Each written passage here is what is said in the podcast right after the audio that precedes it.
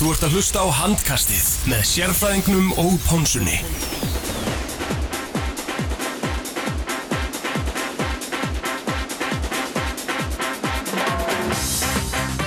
Já, komið sæl og blessuð og velkomin í handkastið á þessu fína sunnundagskvöldi. Þetta er Ponsa Hilsar ykkur hér í New Balance stúdíónu og með mér er sérfræðingurinn og góður gestur. Það búið vel við hjá handkastinu engin annar en Jóhann Gunnar Einarsson, sérfræðingur setni bylgjunar, fyrirlegum að fram aftur og ég veit ekki hvað og hvað. Sérstaklega velkomin Jói. Já, þakka bara kjallaði fyrir og bara heiður að vera einna. Takk fyrir það, takk fyrir það, heyrðu, það er hérna einspurning, við erum alltaf í samstarfi við 8FM Já, upp á slægið með áttunni.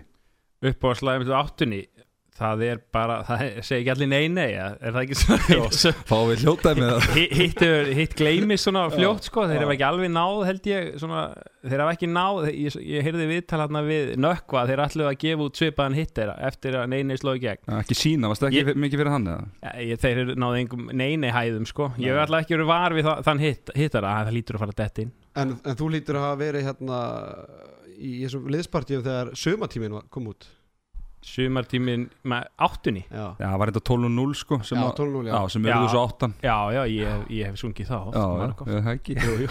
Það var gaman að fá hljótaði með þú bara, þú stýrið því, kannski bara setnið hættin Já, það er bara svona, Hmm. þeir eru aðeins búin að hitna Já, já, líst til að Er þau sérfæðingur, hvernig, hvernig svona kemur undan helginni? Eitthvað reyði í mönnum? Ég ætla að vera að spila peningalega séð Það er, Nei, engan á því nei, nei, já, já, við erum bara átti góða helgi og góða handbólta helgi Frábær helgi að baki og, og hérna Kúlbett eru nokkrum dúlum fátakari fyrir vikið. Nú, það er svolítið að við erum náttúrulega sjálfsög í bóði Coolbet uh, Svona hvar, hvar varst að taka seðilinn þá helst? Herri, ég er búin að vera helviti mikið að hérna, vinna með player go goals. Ok, það er ansi fíklarlegt að taka þátt í því en, en uh, þeir eru að bjóða upp á góða stöðla þar og, og hérna maður hittir svona í 80% tilvika. Já, Leo Snær fór ítla með mig mástu, mm. mhm. Já, ég hef ekkert verið að auglýsa mikið meira á Nei, mitt En, En- þú hefur hef náð aðeins að, að hérna, ná seðilinn tilbaka þar. Já.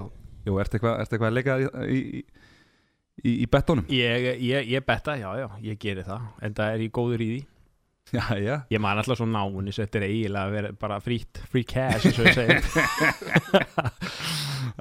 hann er hérna Er svona bústar upp kennaralaunin. Eða skólastörulaunin, má ekki segja það? Aðstofskóla stjórulögin Já, aðstofskólastörulaunin já, það, það þarf nú ekki að bústa þau mikið En Nei, þetta er svona auk, auka.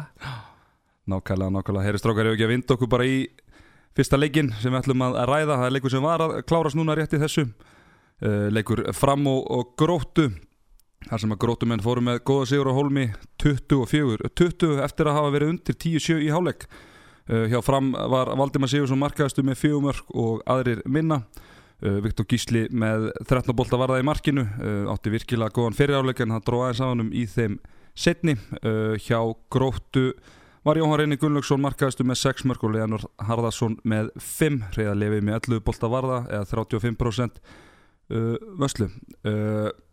Jói, við sáum hræðilega fyriráleik sóknarlega hjá báðulegum en sóknarleikurinn hjá gróttinu hann var bara helviti agaðar og, og, og bara vel spilaður, heilt yfir Já, hérna, já, eins og segir 10-7 í, í fyrirháleik Og það er ekkert að segja Þetta er einhver, þó að þjálfarnir hafi verið eitthvað að segja Þetta var rosa varnir, þetta var bara hræðilegur handbólti Bara því miður, þetta var veginn svona eftir að hafa sér frábæra leikan á lögadaginn og svo tók maður þennan líka og það var svona, svona, svona svona þingubolti bara eftir það, eftir fyllir í á lögadaginn framarðin hafi verið þunnur Já, en síðan skánaði þetta nú tölvört í, í setni hálfleik og, og þá var þannig að Jóhann Reyni sem fór svona kannski fremstur í flokki og, og Le, Le, Leonhard.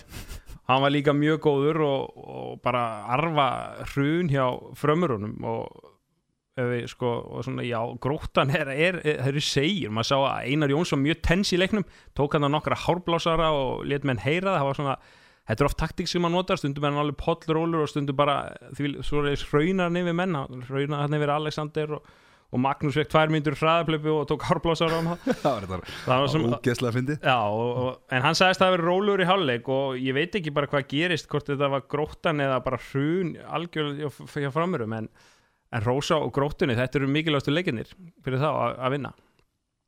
Algjörlega, algjörlega. Arnaldæði Já, eina sem þetta er hug svona sérstaklega ég var að horfa á, á leikin að, að Guðmundur Helgi hafi ekki tekið leiklega fyrir í, í setni áleik því að það, hvað, það kemur ykkur 7-1 eða 7-2 kapli já, í sjöt kapli, þegar staðan er sjöt í setna og leik þá er hann ekki anþá búin að taka leikli Nei, og þeir klikka held ég víti og þá tekur að leikli þannig að staðan var, hefði verið orðin 8-1 þegar hann tók leikli Mhm. og sóknina þar undan Þorgrimur og Svavar voru bara búin að missa boltan tvívegis og bara lélega, skot. Ein- Andri Þór bara hitti við alla markið og þetta var bara, ég held að bara hvað Guðmund, voru þeir að gera í Ég- hálfleik í fyrsta leik ég held að Guðmundur Helgi sé lélegast í þjálfur að taka leikli það á móti val í fyrstu umferð þá voru með lokasókninni og þá gleymd hann að taka leikli þú veist 18-2 og þannig að hann mátti bara nota eitt síðustu fimm minútunar og þá gata hann ekki notað aftur síðan í lokasókninni. Já, hann tók á og seint sem sagt. já, Já, já, en þetta er rétt. Já, að, að hérna skittunar eru með hæstið með þrjú mörg fyrir utan bara eða fyrsti svona léliði leikunum Þorsten Gauta. Alveg Já. katastrófa, var ekki með Þorgrum Smári ekki með. Þeir mega ekki, ekki við því framarðan heyri báðir ofta í einu. Nei og Andri Heimir, þú veist, hann er alltaf búin að vera í, ég veit ekki hvort það sé búin að vera í fríið þráttur að hafa ekki að spila hérna út af þessu eða út af þessu bara, hann var eigna, eigna spann þessu En, Þessu bassláru en hann var bara, þú veist hann var svo sprungi bláður á hann til lokin sko, og það var bara ekkert í, í bóði maður spyr sér hérna ungur strákar sem var hann að spila með frammerum í, í fyrra Lúðvík. Já, er ég, hann bara hættur í handbólta hann var aðeins í síðasta leik en það er- ég held sér mikil svona vonbriði bara hjá honum og fram hvað lítið, hefur orðið lítið úr honum. Því að hann var mjög efnilegur og var þarna aðalmaðurinn í þegar fram var Íslandsmeistur í öðrum flokki. Svo Það- losaði þessi Bjart þú veist og Bjart getur spilað bæði vörn og sókn hjá Mhm. gróttunni og það komið smá ferskleiki hjá gróttunni eftir að Bjartur kemur þótt hann sé náttúrulega ekki, ekki frábær handbóltamaður en það er smá, hann er með smá X-faktor sem engi, engin býst við. Mhm. þannig að skrítið að framhaldi hefði ekki getað notað hann heldur sko. Já, mjög skrítið og þeir eru nú ekki með það breiðan hópa þeir getur verið að láta menn bara fara svona sí svona en alveg típis svona jójó fram, ég veit ekki hvað er, hafa gert þetta því. Ég man ekki hvernig þeir tengdu saman tvo leiki sko, flotta góða leiki.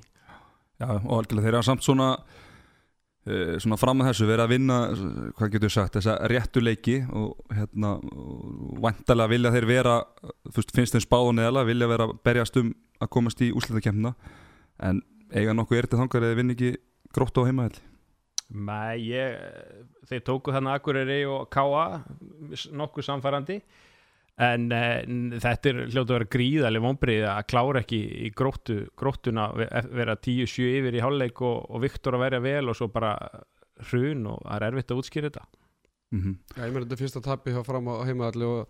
Guðmundur Helgi talaði um það fyrir hérna leikina þeir vilja ekki tapa á heimaðalli og villu þetta engi tapa á heimaðalli þótt að liðið svo valur bara elska að tapa á heimaðalli sko, förum við það síðar en, en hérna það var ekkert í stöðunni að gróta var að fara að skora yfir 20 mörg en það er bara sóknarleikur hjá fram í setnarleik sem bara fer til fjandans.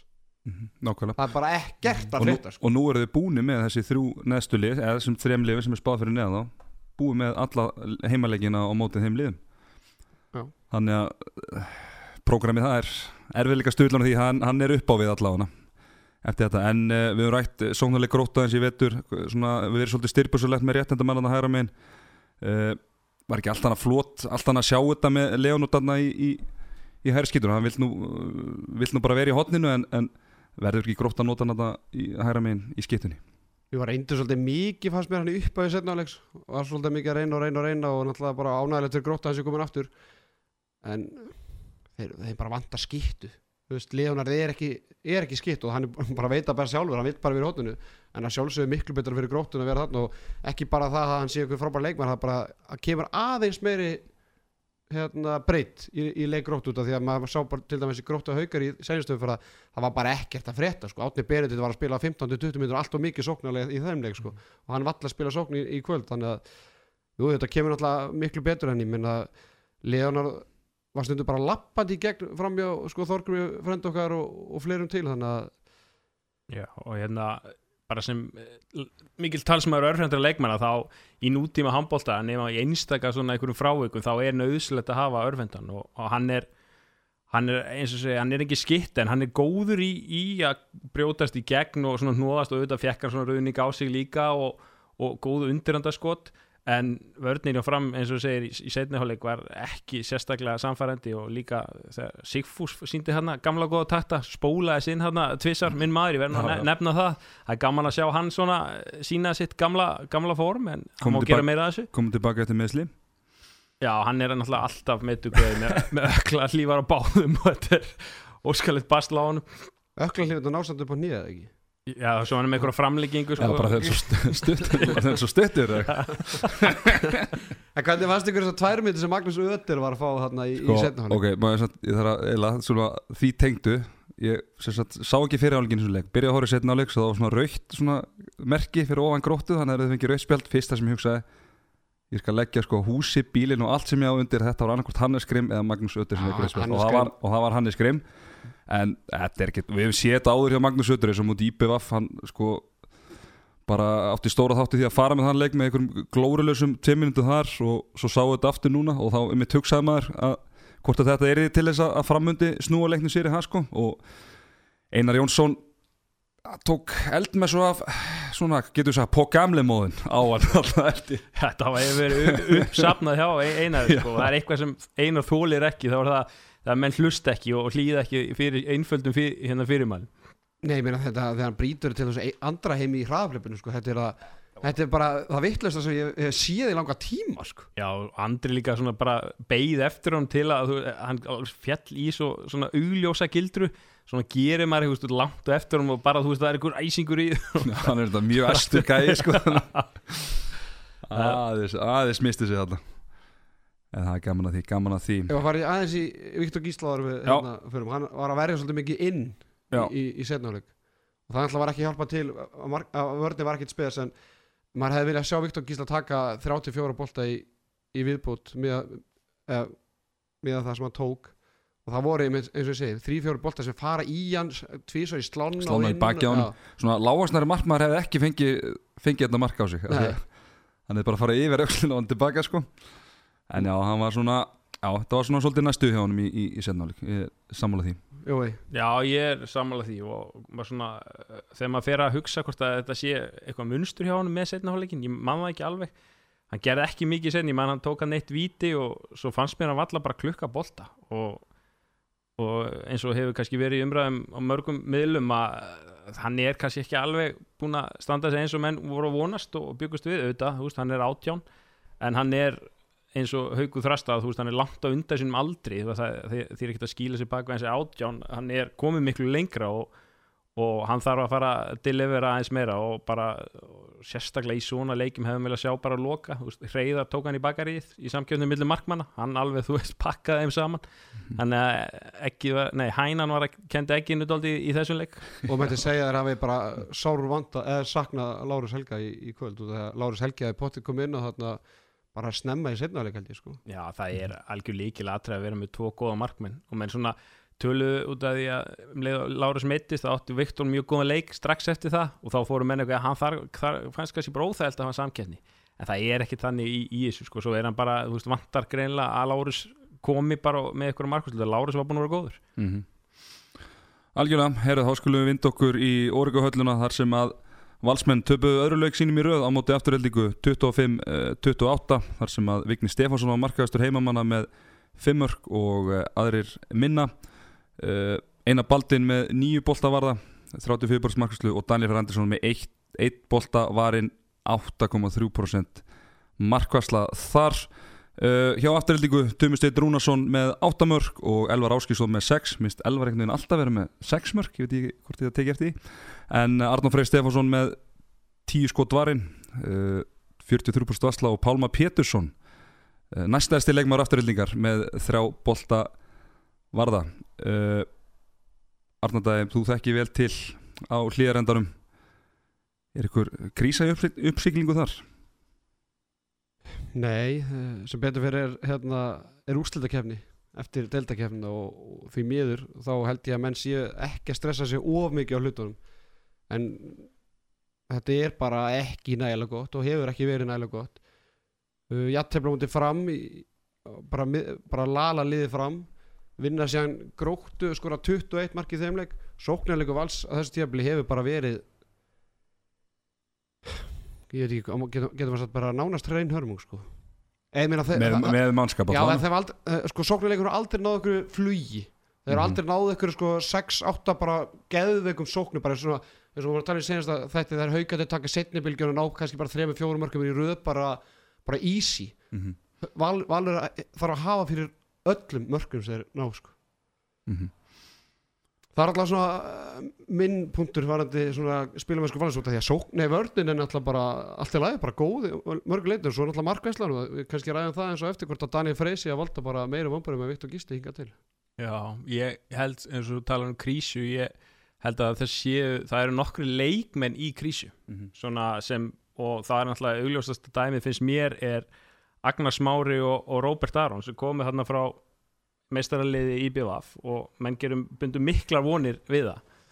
Og það er augljóst að þeir eru í, í svona persónulegri hvað segir maður krísu, eða þú veist, þeir eru bara með rosa lítið sjálfströst og ég má aðeins svona kom, koma svona smá sög á mér svona til að, að, ég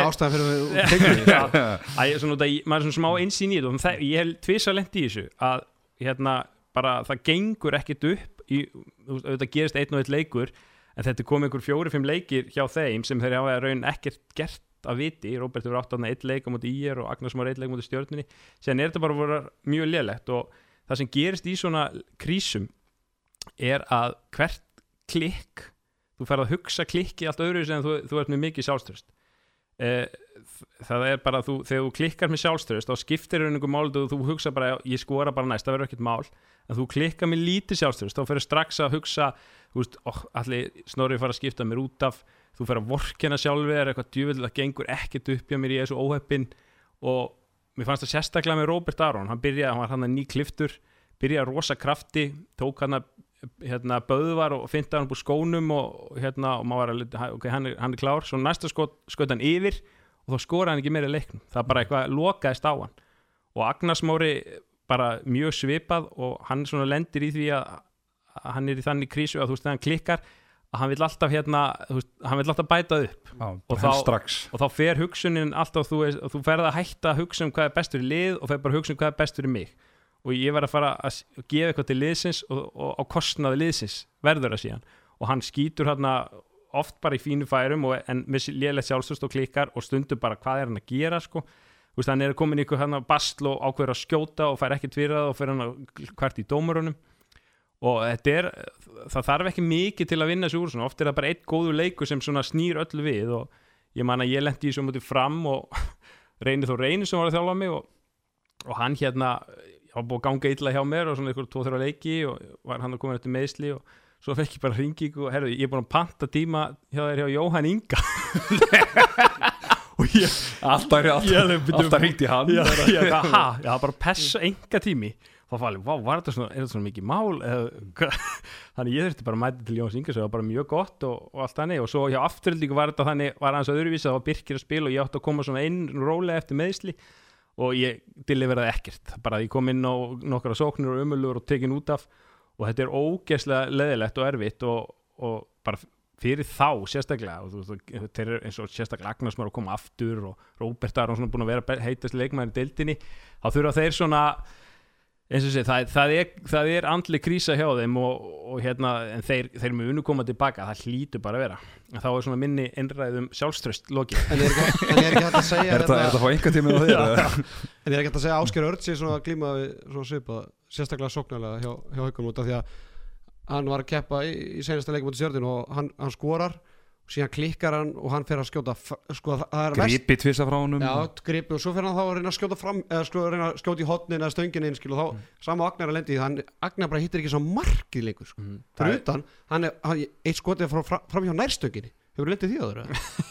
Nei, þú veist, maður sér það ekki ofta skýtta skjótið fram hjá nærstöngin í handbólta sko. Nei, það er oft kannski rétt yfir en já, sko og ég meina, hann skýtur sjösunum Agnarsmári, höldum að hann sá svona talma, hann skýtur sjösunum Agnarsmári í, sko, með mikið sjálfstyrðist hann hefði skotið svona 14 sem í þessu leik af því hann var, fekk stundum alveg ágættis eða svona, maður sá hann hann svona hikað stundum og svona langaði að skjóta þess og hugsaði nei, ég, ég get ekki ég, ég get ekki átt verri tölfra eða skilur hann, hann svona, hann er farin að passa sér núna, en samt er hann með sjö skot Mhm. og tvö mörg hvað var, tvisar á 6 metrum hann sem skýt bara framhjá og Já, og eins og með. Agnarsbóra þá er eins og þú ert með lítið sjálfströst og hann tekur ekki opnu skotum þannig að hann veit að ef hann klúra því þá er það svo hræðilegt þess vegna fara mann oft í kontakt og vilja frekar skjóti svona Mhm. hálfærum fá svona, svona fríkasti já, fá svona fríkasti. kannski fríkast fá, þú veist, okay, þetta var kannski gott færi þannig að það er, ég er ekki eins mikið, þú veist, skammaður ef ég klúra þessu en afturhalding voru ógeðslega góður Já, já, sérstaklega í sérstaklega í setnáleik fannst mér, eða svona og þá kannski eh, er það ekki alltaf þannig að þá dettur hitli kannski aðeins niður og svona en, en ég menna bara Birkir mér fannst hann geðveikur Mhm. og Elvar alltaf alltaf er þetta ekki langbesti leikurinn að spyrkja sér veitur? Jú, út af því að þó- hann var ekki alltaf að skora hann var að fiska víti, hann var að Mhm. bara, hann alltaf var að opna fyllt fyrir átnabræði sem við ræðum kannski aðeins eftir átnabræði er ræðilegt tíðabil mm -hmm. en ég meina, og- út af því að í minningunum og maður horfir á Birka heldur maður að þetta sé bara sleggja Mhm. en hann er að gera miklu meira en bara það sko og Elvar náttúrulega heldur bara Hann áfram hefur og, svona verið að bæta þá þætti í sínu leik og svo kom náttúrulega bara litli strákur úr, úr La Valsia Eða Valsi Akademíunni. Og hann bara kláraði sína, sína gamla félag eða gamla félag, bara gamla félag, Tumi Seitur Rúnarsson. Já, ég meina bara því lík, því lík framist að hjá, hjá þeim dreng heldur áfram að, að sko við getum verðum að hætta að segja að koma ykkur eitthvað óvart hann er bara að sína ykkur það þetta er orðið virkilega góður leikmaður. Uh, Jói, hvað finnst þér að Valsar, La Valsia hafi sleppt þessum demanti frá sér. já, já, maður er búin að heyra alls konar sögur og, og hérna að, og, að, bara maður heyrði náttúrulega að Valsara hafi verið bara hundfúlir og hvernig að, að hann hafi viljað fara en, en þetta er greinlega bara maður með þú veist sjálfströst og, og því líka metna að hann bara taldi svo stóran fyrir val U og, og vildi komast í alvöru bolta og, og heldur betur er að sanna það og búið að koma held ég bara afturlíkamönnum í rosalega hérna á óvart hvað hann er búin að taka bara frá leik til leik rosalegum framförum. Og eins og allavega undirbúinustíðinbílun þetta var tömið með úlingarlandsliðun og svona þá fannst mann eins og sko að að Elmar, Elvar og Tumi áttu svona að sjá á miðjun og Emil og hérna Böðvar jafnvel í skittu og Tumi áttu svona að leysa af og svona miðjuna. Hann er algjörlega búin að egna sér þennan miðju og í raun bara sókna leikin yfir höfuð finnst mér, stjórnar þessu alveg þessu herfóringi og, og, og hann er svona gæð veist, með sjálfsvægt í botni það sér maður bara, veist, það kom einhver léli línusending frá honum á einaringa. Það skipta honum engu máli, það var bara næsta sjá, þá bara kom önnu línusending og þá hefnaðist hún og, og því líkur happa fengur og svona öskubisku saga eitthvað í kringu þetta. Rosalega, hann var- þroskaður leikmaður með aldur veist, hann tekur svona rosalega fáar rangar ákvarðanir. Oft, sjáum það oft hjá svona ungu leikmennum að það er oft allt í staðar, ég meðum góð skot og, og, og snerpa og kraftur og allt það en kannski ákvarðunartakan ekki búið að besta en það er bara, hvað ég segja, átta hverju tíu ákvarðunum hjá hann eru bara góðar já, og já. réttar og það væri líka eiginlega bara synd ef hann væri ekki að spila úrslitin eins og hann þú veist út af því að margur annar leikmaðurinn bara eins og Tumi hefði bara verið áfram í sínu félagi og, og bara verið í þriða hann er ennþá í þriðaflokki sko mm -hmm. hann getur verið bara ennþá í þriðaflokki að spila með eins og segir með uliðinu vals og, og svo 14. og 15. maður í, í val eins og staðan var en núna er hann bara og við erum að fá að njóta þess skilur við erum bara að fara að sjá hann dreng skilur þetta er bara átjóðan strákum bara að sé ok það er það er efniður, það er ekki bara haugur og það er ekki bara elvar eða gísli þorgjar það, skilur, það, er, það eru fleiri að koma upp. Og til dæmis bara höfst, dagur gauta í káa og alls konar, þetta er náttúrulega bara frábær árgangur þessi 0-0 árgangur sko og 0-1 þannig að bara ánægilegt að, við séum að hann, sjá hann spila í hérna úrlistildinni sko. Já, bara sóknarlínan hjá afturhaldingu lítur bara mjög vel út eins og við vorum að tala um Birki. Þegar ég kem í afturhaldingu þá gæti hann ekkit gert nefn að tekið þrjú mjög stór skrif hoppað upp og skorað nei og skotið og var oftast bara fastur í nær það var, var, var rosa mikli en hann var greinlega bara í yngjörflokkum eins og vill oft gerast þegar hann var verið stæstur og hann átti bara að taka þrjú skrif og skjóta og fast. En mér veist yfir hann að finna hann og svo ógeðslega góð. Veist, er svona, oft var hann bara að fá rauðning og þegar hann kemur á kraftur finnst mér bara fáir ráða við það og hann er byrjað að geta valið í skotum. Mér finnst það bara ekki gera nóga því. Mér finnst leikmenn ekkert ráða við hann. Mér finnst hann oft bara gefa hann þegar hann getur hamrað á markið. En bara rosa ánaði hvernig hann er að byrja þetta og svo Elvar líka náttúrulega frábær í vinstri skiptunni Já, hann er bara, ót, ég er að skoða tölfræðina 6 mörg og 7 skotum, ég eftir bara að sjá þetta eftir hvern einasta leiknánast svona 6 mörg úr hvað að segja, 6-8 skotum. já, 6-8 skotum. Ótrúlega stöður og, og fyrir utan það hann er að gefa sér liðið varnalega mm, já og, Um, og sá hann í leiknum þegar þeir komist þreja mörgum yfir hérna seint í leiknum og Valur var búin held ég að minka þenni í eitt og það var svona smá, komið smá panik náttúrulega með IBF-leikin í, í minningunni að þeir var að fara að missa neitt leikin og mann einhvern mannstæðstur og tekur hann að fyrir auðvörð og tekur í skeitin bara fjær, alveg rosalegt mark og svona bara klippir á þetta. Og já, bara frábær, frábær leikmaður og mér finnst hann hafa svona, þegar ég kem hann inn að þá er þetta hann efnilegu gæjarnir Elvar og, og Átni Bræi og Böðvar og Birkir mér fannst hann svona sístur af þessum Mm. árgangi þegar ég kem hann inn. Veist, hann, jú, fítnin vanta alveg hellingu upp á lendi síðan í crossböndum sem tekur eitt ár af þróun sem er rosalega mikið á þessum aldri. Hann bara eiginlega missir heilt ár úr og hvernig hann hefur bara tekið sér framförum eftir þetta crossbandslít og, bara, og þegar hann var hann og svo náttúrulega líka í jólatrið sko. það er bara ótrúlegt sko. hann þarf að halda sig frá þeim svona svo afturreitingi það er búið að setja það inn í samningin en Arnó Freyr, hann var líka frábær í markinu aftur líka þangað til að setja Aron bara hamrar í andlita á honum og, og Pálma kannski svona kom ekki alveg jafn, sterkur inn. Þannig að maður held kannski að þær var að fara að missa þetta þá. En Arnó Freyr, hann er svona sína hann er, hann er, verða, hann er svona einn af fáum sem eru stöður Mhm. í, í Er deildinni þetta ekki bara besti markmann deildinda?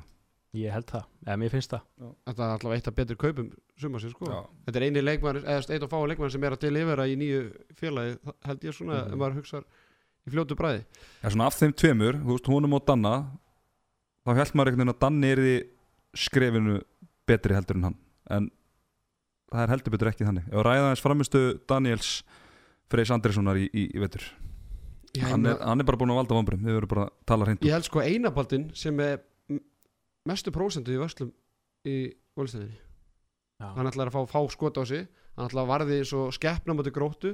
Varði eitthvað hvað 8-9 bolta í, í leik- leiknum að gera að á nýju Mhm. þannig að hvað er, einabaldin fyrir að byrja næsta leik eða? Já, mér fe- líka tekið eftir að þeir, Danni er alltaf að fá stittri stittri tíma hann, þó hann hafi átt lélega leiki þá fekk hann oft alveg að spila eins og í byrjunum átti fram, þú veist hann datt niður hann fekk alveg að klára alveg fram á síðustu tíu. Í þessu leik fær hann bara 12 skot og þá er hann bara tekin út af.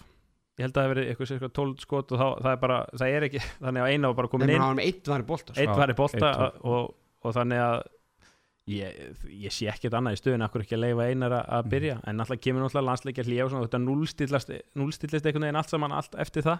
Mm -hmm.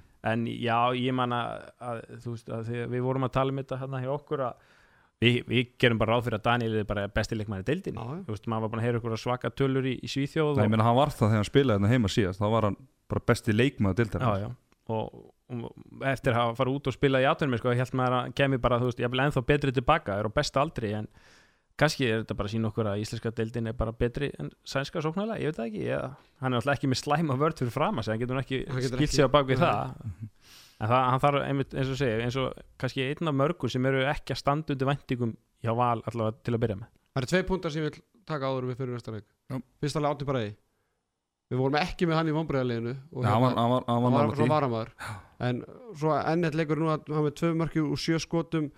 Hann er með 15 mörk í 41 skoti sem hægri hotnamaður hraðaplöpsmaður Mhm.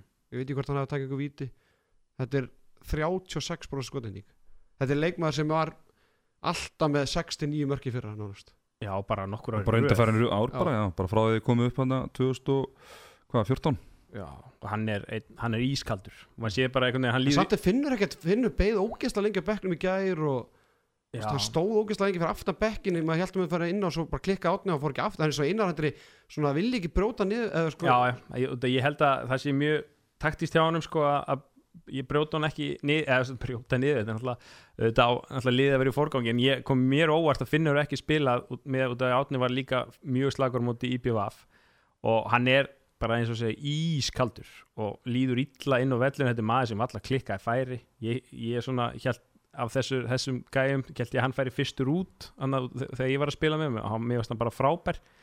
En þetta er dæmi mitt um svona bara gæja sem líður augljóslega illa og, og Einar Andri er að reyna að hjálpa honum með að gefa honum, úst, hann er ekki að taka hann úr byrjanlið, hann er svona vonast til að hann hitti á leikin og er að klúra bara mjög svona færi sem hann hefði skorað bara alltaf úr en er það sangjart fyrir Finn? Þú veist, Finnur, Finnur er ekkert einhver 35 ára leikmaður sem bara komið til hjálpa eins og þú veist, leikmann hafa verið komin í afturlíku sko, eins og títnöndur Nei, ég, ég væri finnu var ég brjálaður sko. Er, er, er, er Finnur okkur öðrum eða, er Finnur fenginn bara inn í afturlíku bara svona til vara, það er ekki sens að Finnur taki það í mál. Nei, ég þekki ekki. Ég, hann alltaf kemur hann inn til að svona kemur- bjarga eða svona út af gestum kemur seint skilur en Finnur er bara ólist þetta leikmaður sko, hann hafa ekki að vera einhver algjör varaskið að vera einhver leikmann sem getur ekki raskat Nei, sko. og síndi það líka í setniháleika skoraði hann úr mjög erfiðum færum og hann alltaf frábær slúttari.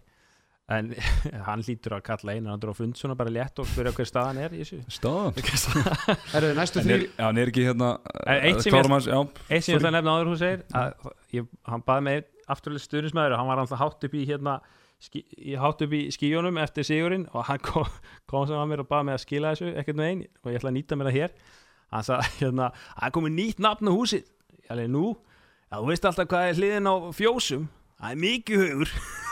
Þetta þetta sagði það var, þeir voru alltaf í sigur í mig því, því komið á framfæri. Já. Herru, aðeins að ánum bara, ég ætlaði bara velta einu, eða berundi því, Jói, að hérna uh, svona, hefur hans framþróun ekki verið svona ákveðin vonbreið, eins og segir kemur inn dildan 2014 þá var hann hvað, er ekki 94 mótil, þá var hann tvítur, bara frábær og, og svo bætir þessi alveg næstu allan eitt, tvö árin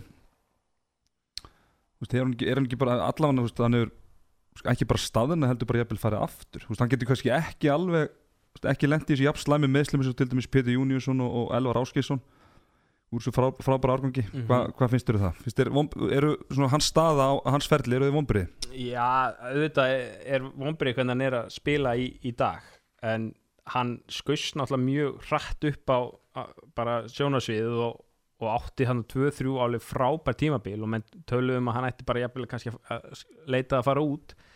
En eh, ég, ég held að þetta gerist oft, það kemur svona eitt ár og í fyrra, hvernig var hann í fyrra, var hann ekki bara allt í lægi, hann var kannski ekkert gestur var svona, hann var ekki að góð gestur var að spila kannski 50-50 og, mótunum. og bara liði, liði náttúrulega ekkert sérstakt. Nei, nei. Það voru ekki að spila vel. Nei, akkurat, hann er bara en ég er svona, hann er með rosalega hæfileika, hann er með svona langa hendi og hann er fljótu fram og, og svona með bara mjög gott handbólta IQ en hann er ekki ekki að standa sig vel blessaði strákur, hann er góður strákur í, eins og staðan er núna en, en þetta, þetta það, við þurfum kannski ekki að hafa ágjör ég held hann eigi eftir að, þú veist endur heimta sitt gamla form, ég trú ekki öðru.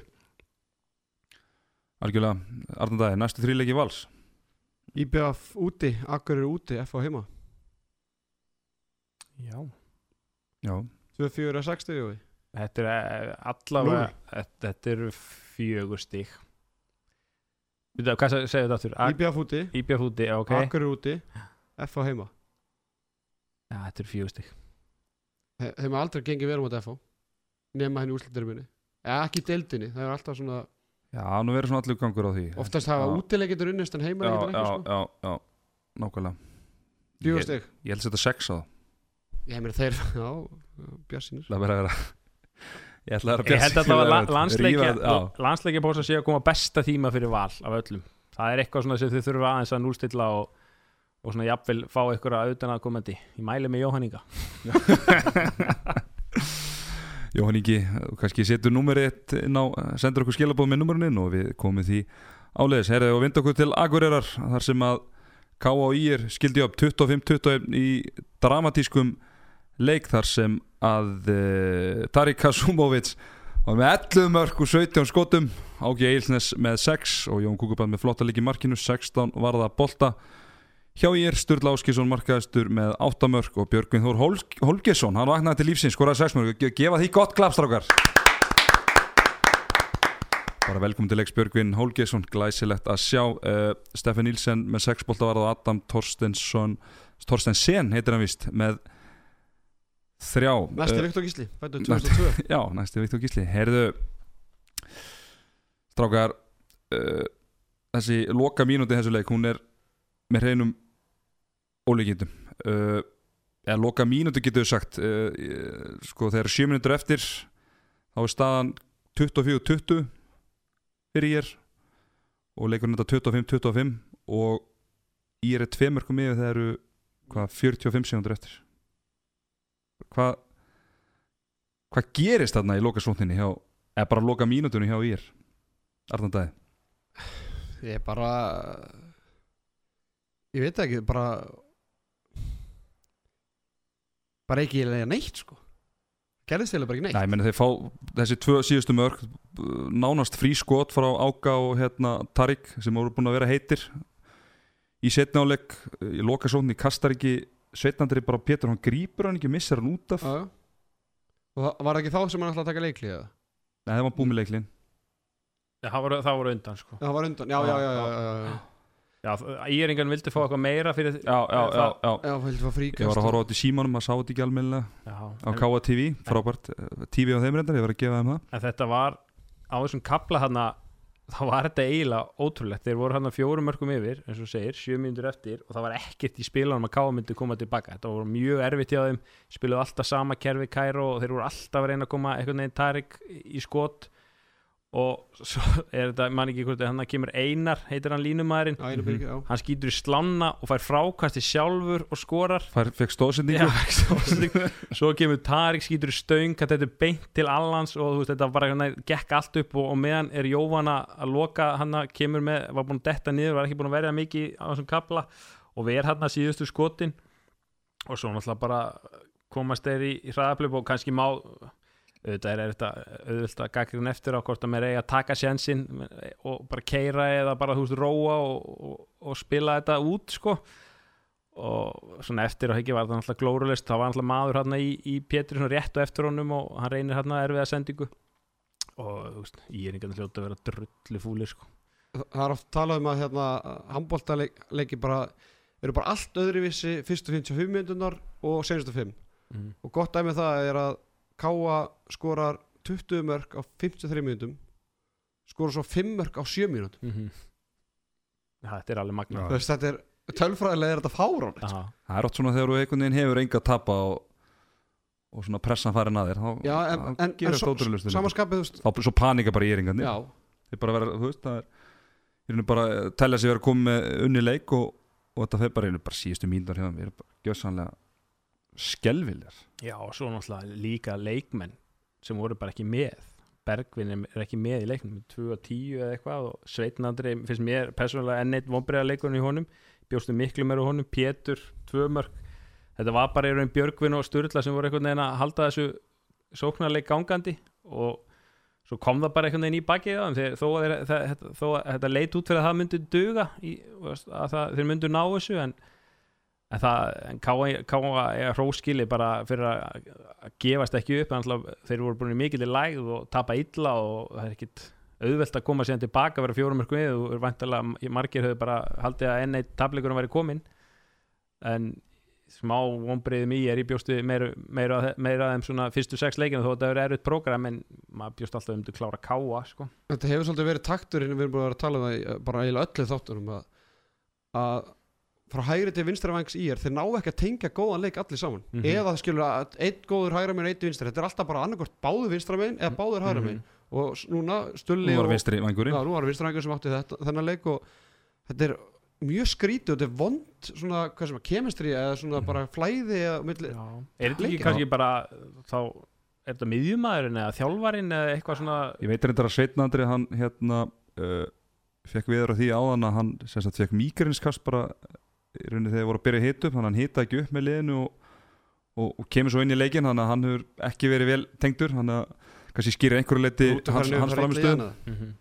rútuferðin? Það eru erfið þessar rútuferðir.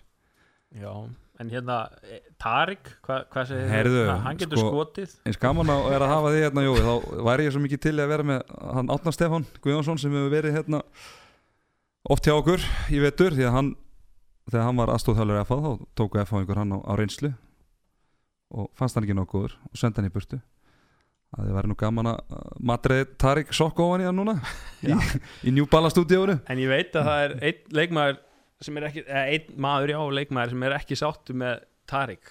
Og það er dagur hann fær ekki boltan í hotnin Nei. Nei. hann sér ekkert í kringu sig greiði maður Þetta, er von svona dimensional leikmaður there ever was one sko. Ég hann held að dagur, alveg ég, ég rosalega held að dagur hann skor eitt mark í leiknum Já. og það var að hann fintaði varnamannum upp úr skónum og Já. skoraði það er rosalega leðilegt að vera bara einhvern topp 20 lista yfir efnilega og spennandi leikmenn og fá svo ekki boltan í heilu leikin út af einhverjum tarik Tarik En við erum bara að- en við erum að gefa hann á það samt þetta er eh, held ég svona fyrsti leikurinn hans þar sem hann er virkilega góður og, og þeir fá ekki út úr og þeir fá okkur út úr í Mhm. hann er verið rosalega góður í, svona, í rusltímanum og þegar neyðin er minnst þá hefur hann stað, eh, hérna, þá hefur hann stíð upp og, og verið svo ræðilegur í leikjunum sem hefur verið að tapa numlega mm Já, á hann að síðasta marki bara á loka flautinu Bara þannig að hann glæsilegt triði skot. þeim þetta stig. Mm við verðum líka að minnast á Jóhann Kúkabat hérna, hann er bara flottur Já. markmaður. Ég meina, hann er bara ég sá hann í fyrstöldinni fyrra þá leita hann ekkert rosalega vil út sko. hann var bara í lélugu standi og svona en, og ég held að, ég held að Ólistöldi væri of góð fyrir hann sko. Mhm, bara- eða skilur Mhm. of sterk en, en hann er bara, hann er að vinna stig fyrir Káa sko, þetta bæði mútið haugum og svo náttúrulega er hann bara mjög góður í þessu leik þannig að það greinlega ennþá eitthvað eftir í, í hérna í skónum hjá honum sko. Já, heldur betur, er hann að í raun má segja bara hefði svona mi- á- ásamt Tarik í þessu leik búin að tryggja káa þrjú af þessum, hvað, fimm stigum, er ekki hún fimm svoleiðis? og svona en á, á það til að kannski detta niður í mjög slæma eins og bara all lið, alltaf erfitt fyrir hann að vera eitthvað góður þegar all lið er, er glatað sko. En eins og segja, hann náði á móti stjörnunni reyndar. Já, hann má eiga það. Var hann hvað? hann var góður þegar hann var reyndar fínn á móti stjörnunni þegar Já. restina liðinu var. Já, já, já, en bara fín, já, ég sammála því. En íringandir þeir, við tölum um það í undirbúrst þetta er um hérna að íringandir fengu lengsta og, og líklega besta undirbúrstífili þeir fóru á stormót með þess að með hálf liðið sitt og, Mhm. En þeir eru með þrjú stygg eftir fimm leiki og eini segurleikurinn er gegn þreföldum mesturunum í IBF Já, þetta er skrítið. Þeir, þeir á- áttu hérna erfitt prógram. Það verður ekki tekið en val og afturheldingu og IBVF og, og hérna en, og hérna hverja unnuðu síðan? Já, unnu síðan IBVF Mhm. En já, maður hérna og það er svona, einmitt það líka finnst mér svona leikmenn ekki hafa staðið undir væntingum. Ég gerir mikla svona mér fannst Bjarni gera mjög vel á leikmannamarkanum hann tók svona leikmenn sem hann vantaði og svona unga og spennandi leikmenn líka eins og Pétur og, og hérna og Svein og línunni og, en svona þessi leikur var svona smá mútkeller fannst mér fyrir, fyrir þetta. Ég og Bjarni það, hann sögði á, hann fekk raukt eftir leik. Já, heyrðu, sá ekki hvað gerist þar. Og honum og Stefán Átnarssoni hvað lendið þeim saman ég, ég veit ekki hvað gerðist það var eitthvað þeir voru mjög æstir og það þurfti allavega veit hann var fyrst að rífa kæft held ég yfir rángari skiptingu. Ekki hann vildi meina að það er rang skipting og, og, hann- þá er, ef ég þekki stefn áttar rétt þá er hann öruglega látið hann heyra þetta er bara vitleysi. Já, hætti að skipta það ræði eitthvað sko að, og þá hefur líklega eitthvað kveiknað í, í, hérna, í Bjarnar sko og það er ekki langur í honum þráður Mm. hún og Bjarnar, en sem, betur fyrir að hann í káaheimilinu þegar að leikurinn er búinn þá hlaupa svona 50-60 mannsinn á öllin þannig að það voru nóga fólki hann til að stíja þeim í sundur. En, en þetta er bara, þetta er bara greiðlega vombrið með Jíringarnar Já, algjörlega. Við, við gerðum meiri vendinga til þeirra en, en þetta er svona það er, það er svona ákveðna breytingarinn í gangi þannig að það er spurning hvort er svona uh, bæti sig ekki það líður tímbil og við tala nú ekki um að Björgun Holmgers er búin að skjóta sig í gang ég meina ég er á FH og Hauka í næstu tveim leikjum sko. já.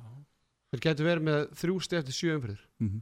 bara á botni deildarinnar já, það, eftir það er ekki ósannlegt er ekki búin sex er Nei, fimm? eru eftir FH FH Já, er eftir- já, hann er inni, já. já, Já. það er, hann er fyrsta november það er hérna, leik sem var frestað þegar FH var í Evrópuverkefninu í Portugal það er nú leikur sem átt að vera þá hvað í fimmtum ferðinni það ekki? Já. en ef aðeins tölum að sér hvað finnst þér vanta? Er, er það bara það að leikmenn stíu upp og þú veist, finnst þér að þeir vera með nægilega gott lið? finnst þér Pétur Átni vera nægilega góð hægri skitta til að vera í liði sem á að fara að vinna fleiri en 50%, 50 leikja? Sko ég Stulli, er, er hann nægilega góður í stand, er standuð honum nægilega gott að hann getur bara fyrstu vinstur hotnamaður og eiga að spila í 60 mínútur? Það Daniel Gummarsson, hann er náttúrulega Já, hann er alltaf ekki Já, hann er líka ekki hreinrættu vinstur hann er að spila það samt undanfærin ár. Já, ég held að Stulli hafi ekkert endilega ætlað að spila þetta tíambil hann kom, ég hérna, hitt einn mann sem er mjög góð vinnur og undirbúrstímbil, hann var- hélt hann að væri bara hættur sko, bara svona síðustu stundu ákvað hann að byrja að spila en hvort þið séu nú sko Pétur og, ég hef eitthvað fannst hann mjög spennandi hann hjá gróttu hvernig hann kom inn og hann fekk hann að úlingalanslýsæti verðskuldaði ekki, veit ekki. Það var alltaf nýja rétt að liðinu. En mér finnst eins og sko Björgun Hólkis og Sveitn og svona, mér finnst þetta bara leikmenn bara svona í toppnum sóknarlega þegar þeir spila vel og ég veit ekki, það er svona eins og ég hafi rosalega trúað þeim fyrir þetta tímabil og en það, þetta er kannski mitt hvort að maður hafi verið að gera mikla væntingar. Er, er Pétur og góður, er Sveitn eins góður um enn heldu, hann er alltaf búin að vera meittur og sem kannski að vera gaggrinn eitthvað Sveinn Andri eða Sveinn Jóhans Sveitn Jóhans Sveinn Andri góður. Andri finnst mér með því fyrra og, og svona, með þróun sem leikmenn taka þá, þá bjóst við meiri látum frá honum þetta er bara allt svona 1-2 mörk í, leik og 2-3 stóðsendingar þannig að hvort að Bjarni sé ekki búin að finna alveg réttu svona formúluna, þú veist hann er aldrei að rúla bjögg, bjögga á miðju og svein og, og bergvinn og svona og það er svona, en hann hefur alveg gefið út, hann er ánæðið með spilamennskunum og hvort að það sé bara eitthvað á, svona sem að setur út af við bara eitthvað svona sáfæræðilegt eða ekki en, en það má alveg fara svona spá, spá í þessu svona fljótlega hva, hvort það sé eitthvað, eitthvað að þarna. Káa, fimm stig eftir uh, sex leiki. Já, Þa, mér, það eru svona þrjú þrjum me meiri stigum en ég er stið sko. bara vel ásættalegt já það er, ég myndi segja það líka bara líka hvernig þeir hafa spil oft bara hræðilega sko og, og þá þetta bara geta þeir verið mjög sátti með, með, með þennan stigafjölda. Ég komið tilbaka eftir, eftir síðustu leiki. Eftir hennan ræðilega leiki í Garðabænum. Það var þetta gríðalega stert stert stig fyrir hvað mm Já, já, og þetta er bara þetta er svona sem ég held ég að tímabili verði á þeim. Þeir detta niður á bara leiki sem þeim verður bara valtað yfir og svo eigar alltaf heimavöllin sem ég geta strýtt einhverju liðum og þeir bara trist algjörlega á hann. Algjörlega, herðu, ef við vind okkur þá í stórleik umförunar sem fór fram í Kaplakrika. Gjössalega frábær leikur þar á ferð þar sem að FH mætti heitasta liði deildarinnar Selfossi og Selfoss voru með Sigur og Holmi þar 30-27 hjá FH var Birgir Már Birgisson gjössalega frábær með nýju mörg og Ágúst Birgisson í landslýsklassa með sex stykki. Birgir Hanna Bragason byrjaði leikin virkilega vel en svo dró heldur betur á honum. Hann var með tíu skotvalinn Kristoffer Fanna kom inn á og varði ekki skot og fekk á sig fimm mörg hjá Selfossi enn og nýjur og sem markaskorun að dreifast þar vel. Elverð Jónsson með 8 mörg Átni Steit með 6 og Haugur Þrastason 6 Pavel Kipulski með uh, solid leik í markinu 15 bolta varða Jói FH byrjun að leika greiðlegum krafti komist í 10-5 uh, Selfoss jafnar svo í 15-15 og það er svona jafnt á öllum tölum eftir það. Uh, heilt yfir getur ekki sagt að þetta hafi verið uh, bara fýll leikur hjá FH en þeir eru bara einu, tveim, jafnvel þrem skrefum, skrefum á eftir þessu Selfosslið í dag. Já, þeir, mér finnst einhvern veginn selfinsingar vinna alla þessa stóru leiki eins. IBF, Val, hún FH þetta er svona Maður gíska, maður gíska Mm. Jaft lengi vel, svo keira úr Já, Vá, það ertu Nostradamus eða? þetta er sérfræðingur Allan sérfræðingur. Allan Það er ekkert sem kemur óvart í þessu. En ég meina, en, já, ég ætla, sorry, ég tók þetta frá þér En, þú veist eru þeir bara í langbesta forminu eða? Já, já. Ég held að það fari bara ekki milli mála Bara langbæstar aldrinum allir og langbæstar forminu og langmesta sjálfströstið og bara eh, þeir bara, eins og Basti segir að mikill selfinsingur, hann var alltaf að tala um að það bara, þeir bara trú ekki að þeir geti tapað. Þeir eru bara búið að imprenta því þeir eru það góðir að þeir hafa einhvern veginn alltaf bara trú á því að þeir munu vinna. Og svo er þetta náttúrulega líka með þetta lið að, að það er ekkert eitthvað eitt sem er eitthvað langbestur ég veit ég held að það séu svona bara 5-4 mismunandi leikmenn sem hafa klárað leikina Og þeir eru all, alltaf með svona markaskorun Þeir eru alltaf með nokkara leikmenn sem eru kannski skorað þessi 6, 7 Já, það er, Átta mörk, það er sko. alltaf ykkur, það er eiginlega allir sem delivera Það er ekki svona við fyrir það sem við sáum oft vera kannski með 10-13 mörg og svo næstum maður með 5 nákvæmlega og svo, í þessu leik var maður bara, já, Elvar, hann er, hann er mjög góður í handbolta. Það var rosa Setni áleik Við minn almáttur En ég horfði, á, ég horfði ekki, ekki á setna hálfleikin live, ég horfði á í, hérna, á tímaflakkinu í, í dag, vissi hvernig leikur fór og svona. Í þá fannst mér alltaf eins og F, það var auðveldra fyrir FH að skora. Skilur, miðbygg setna hálfleiks og, en Mm. þá var máli bara... Mikið öllu færum í hodnunum og svona En, en Pavel var líka verja. Mm En svo s- s- skoðaði hérna tölfræðin að við vorum að tala með stjörnu, já, hérna hauka stjörnun í síðasta leika 60% skota stjörnunar komu utan af velli Selfoss, kíkta á hann 60% af mörkum og skotum Selfoss eru utan af velli og ef, maður hugsaður aðeins hvernig sóknarleikur er þeim þeir, þetta er bara miklu betri skotmenni á Selfossi mm. enn í stjörnunni þeir Já. sóknarleikurinn er ekkert eitthvað mikið öðru þetta eru tvöfaldi blokk, átnistir kemur inn á miðjun og svo bara dettur hann að blokka á þristin og svo kemur elvar og hoppar upp og þessi skot, þetta er ekkert grína ég á við sko. og svo, svo náttúrulega annað líka að með alla þessa þrjá, sérstaklega Elvar og Haug eh, bara samburu við stjörnuna er að ekki bara kannski betri skotmenn heldur miklu betri gegnbrótsmenn líka þannig er varnamennir eru kannski þú veist líka uh, svona Að pass- pass, passívari á þá Já. sko því að þeir eh, alltaf vað úti á þá náttúrulega bara skilja þær eftir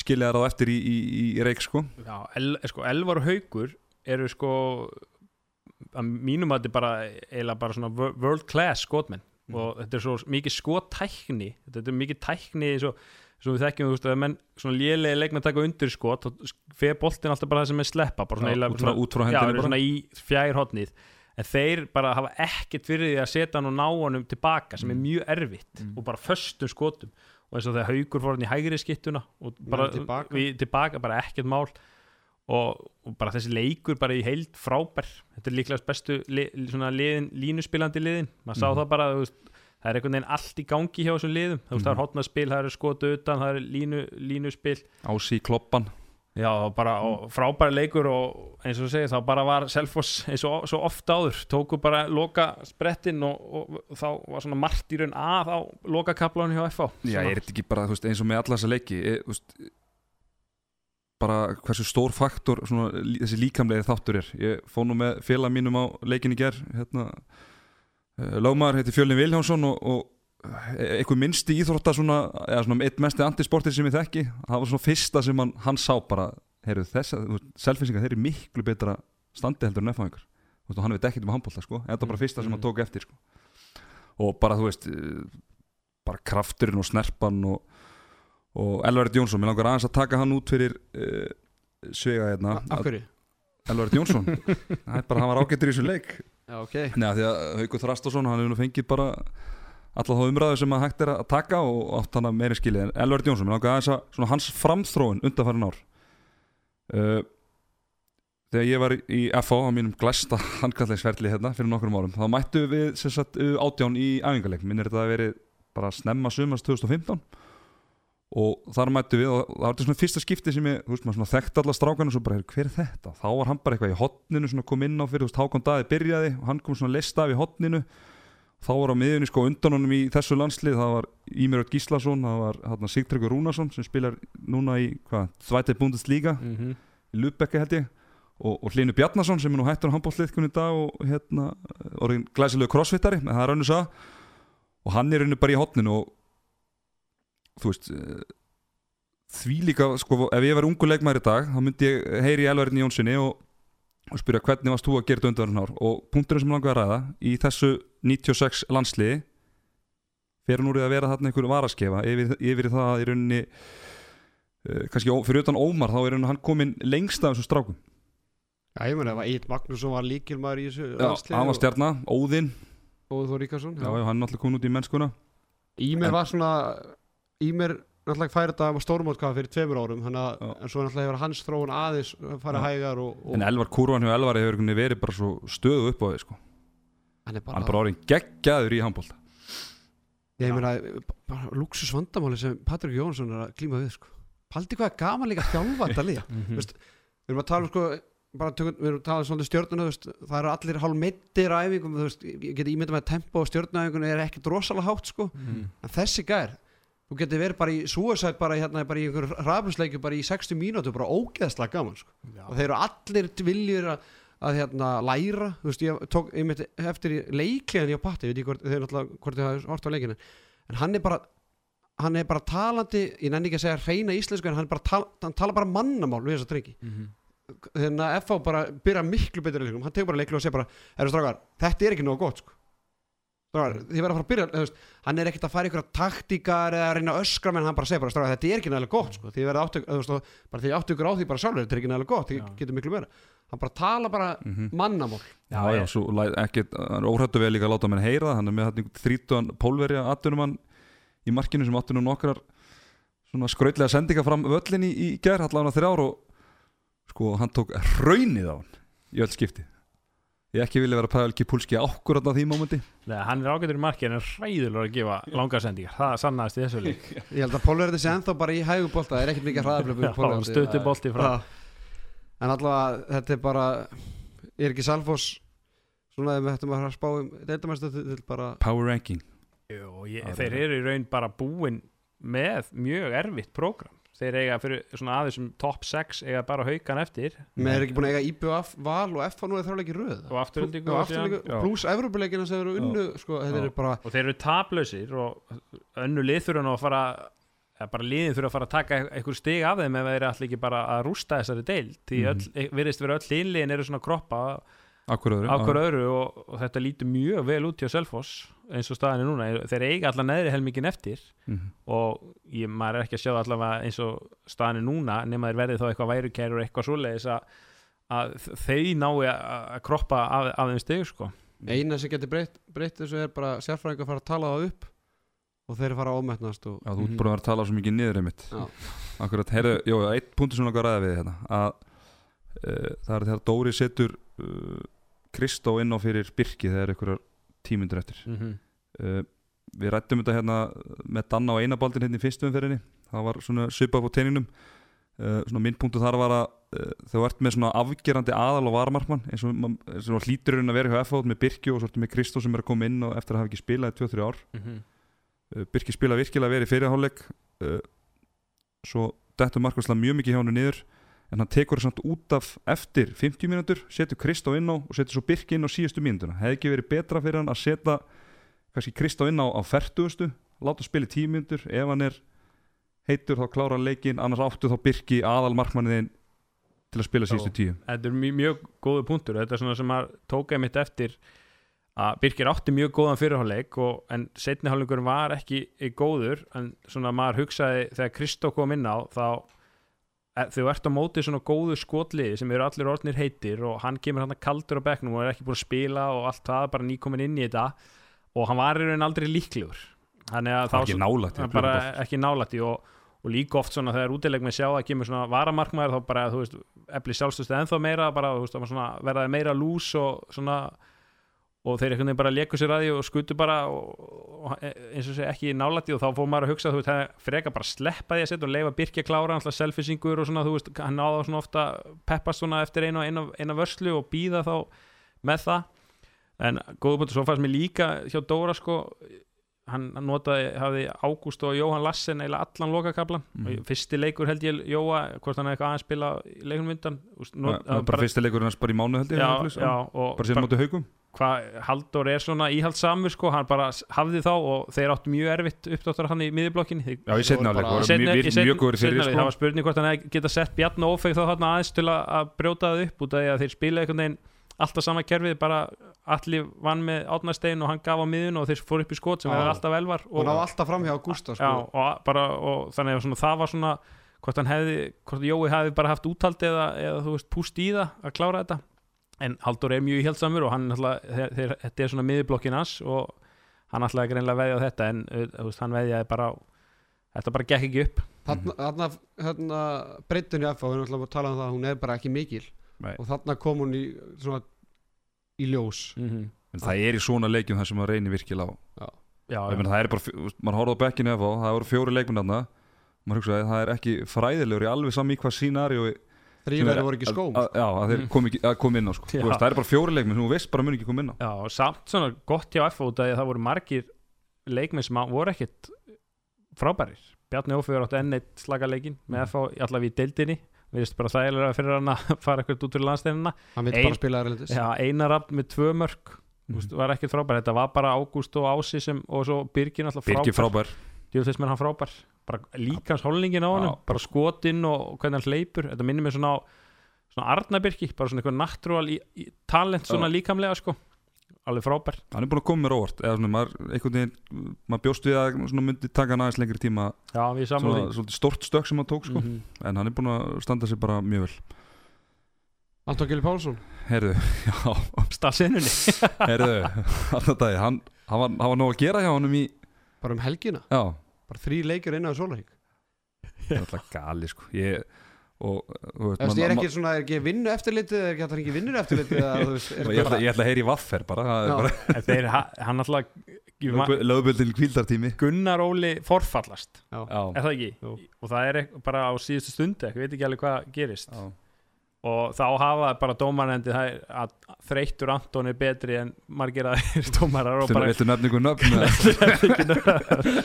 og hafa bara út þetta var alltaf líka fyrsta svona sjónvarsútsendingin þar sem dómar voru mækaðir Já. það var svona smá press á það Ég og, ætla ég þarf að horfa leikin og hann átti nokkur góð komment þar sko. Það var heldur gott í hálfleiknum. já, hálfleikur var mjög góð og líka þegar hann hérna já þá segir hann já, vilt þú kannski, heyrðu það? Í, í hálfleika Já. já, það var hérna þegar eh, kom aðeinslega hérna þegar að Anton flautar hálfleikin af. Já, þú veist, Er FH skoru nú hvað tvö flautumörki fyrra og það var svona ég með þess að hendi á, Twitter þarna með að flauta kemur nánast bara Það sekundu lag Já, já. og Anton sem sagt flautar af bara á 30 og er í, er í hérna hraðablöpunu og, og Haldur alveg bara er brjálaður. Mhm. kemur á hann og hvað er þetta að flauta hérna? Og hann bara ég flautaði þegar að 30, sek- eða 30 mínútur og, og hann heldur áfram áfram og svo kemur Dóri með við við ekki, ekki ræða saman við erum ekkert að ræða saman þetta er ein, hvað sagði, þetta er Þetta er bara einræða í klefa. og inn í kleða með því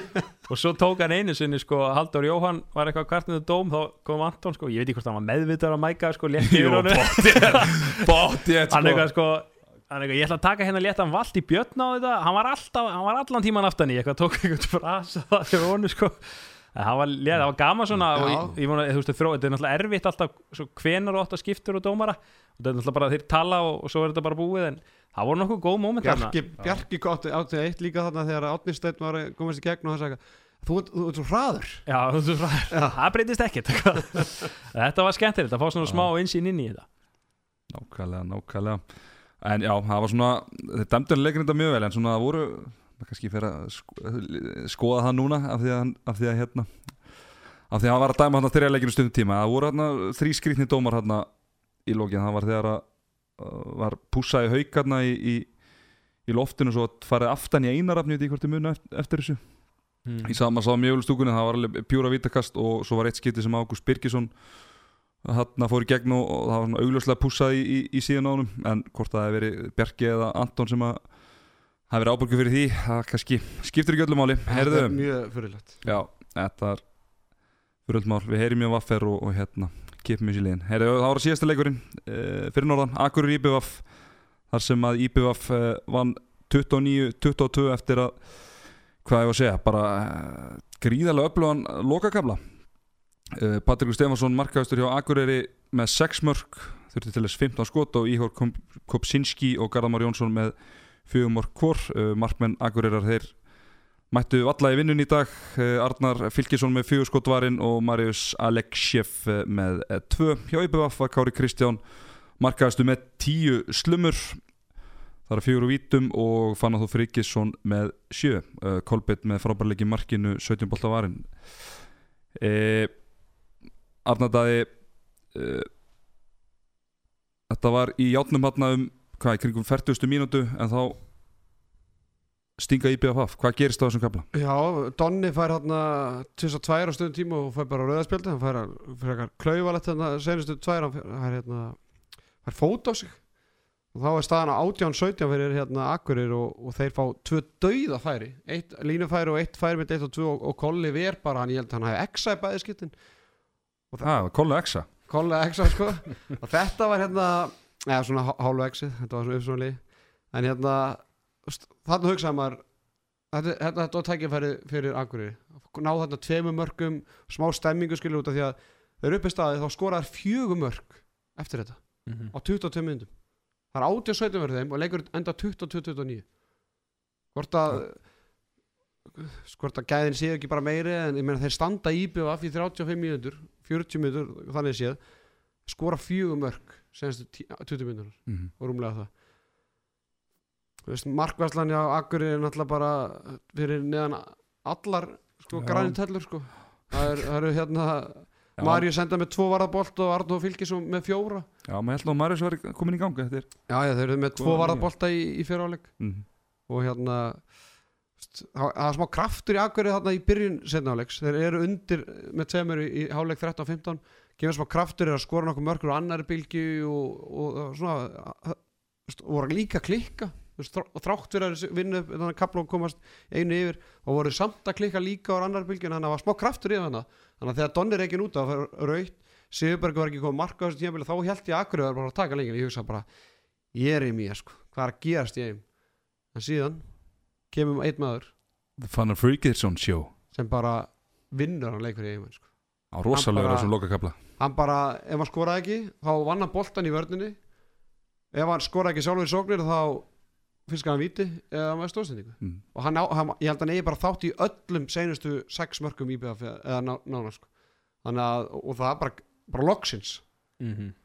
Hann bara sína, sína, sína þessi gæði sem hann var hann var fenginn til, að- til að sína nákvæmlega þetta Já, byrjaði rólega og hérna meittist og Já, meiði síðan og, og, og hérna gó, var góður líka mátti afturheldingu í svona þeir voru að koma tilbaka þá var hann svona hans, hann og Donni svona sem voru öflugur í því og er náttúrulega íbjáð þá nöðsilega frá þessum mörgum honum að halda því virðist vera Sigurberg og sé ekki alveg eins heitur og hann var í, í fyrra og, og Donni er svona mjög, mjög misjafn.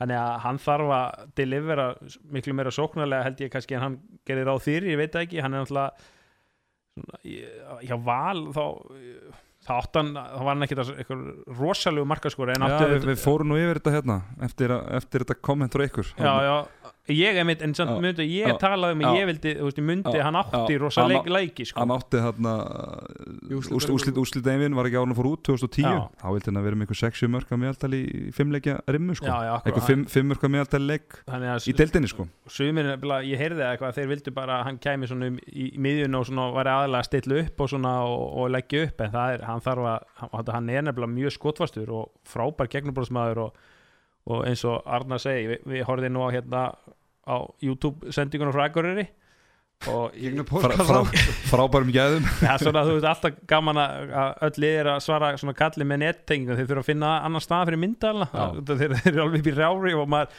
það var erfitt að greina svona nákvæmlega hvað var að gerast, þetta var rosalega hátt uppi en, en bara þú veist, frábært að lesa með svona síningar, nei síningar, jú, útsendingar. En líka með Akureyri, þetta var svona ekta svona lið sem er í, í svona verður í svona baráttunni að þeir voru ekkit lélegir í þessu leiku þessu tölu gefa alls ekkit rétt kynna úslit leiksis, þetta bara hrundi í lokin og Kolli var mjög góður síndist mér.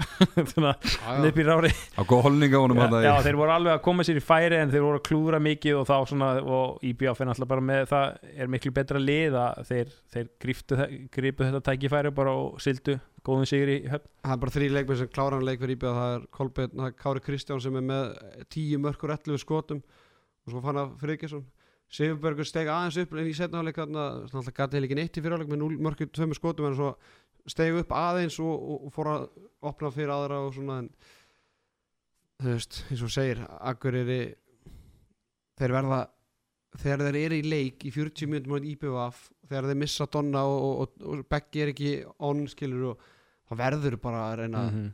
að fá bá- báða punktun úr, úr þessu leik sko, allir sér að sko, það er samt svolítið ósækjart að segja þetta út af því að akkur er að mæta IBF þreifaldur Mhm. meisturum sko, en með hvernig leikur þróast og með hvernig IBF hefur verið já, já. þá þetta var tækifæri sko. þetta var tækifæri sko. og líka eh, leik undan í, á móti fram þá voru þetta svona svipa, náttúrulega fram ekki skott lið en þá voru allan tíman í séns og klúra þessu þetta er svo rosa dýrt ég þeir veit eru hvort að tapa þreimur leikjum með einu marki held ég sko. Já, og ég veit ekki hvort þið gerir sér greið fyrir akkurat núna en þú, þeir, þeir verða í botbartu, það er bara þannig Já. Og, og þá eru það með þessi leiki svona sem þeir hugsa tilbaka þú veist þegar að betri liðin eru miklu, slípast alltaf miklu meira heldur en verri lið. Og það verður byrjun móts þá, þá ver, er þetta jafnara. Þannig að þetta er alltaf líklega í byrjumóts hefur svona, er svona er munstrið og betri liðin verða alltaf betri en auðvitað verða slaka liðin alltaf betri líka en ekki eins, þá verður aðeins meira bíl og það verður alltaf erfiðara fyrir þessi lið að vinna. En ein spurning, eða svona eitt síðan spáð veist, að tapa með einu marki það er oft talað um að það skiptir ekki máli hvort þú tapa með tíu eða einu.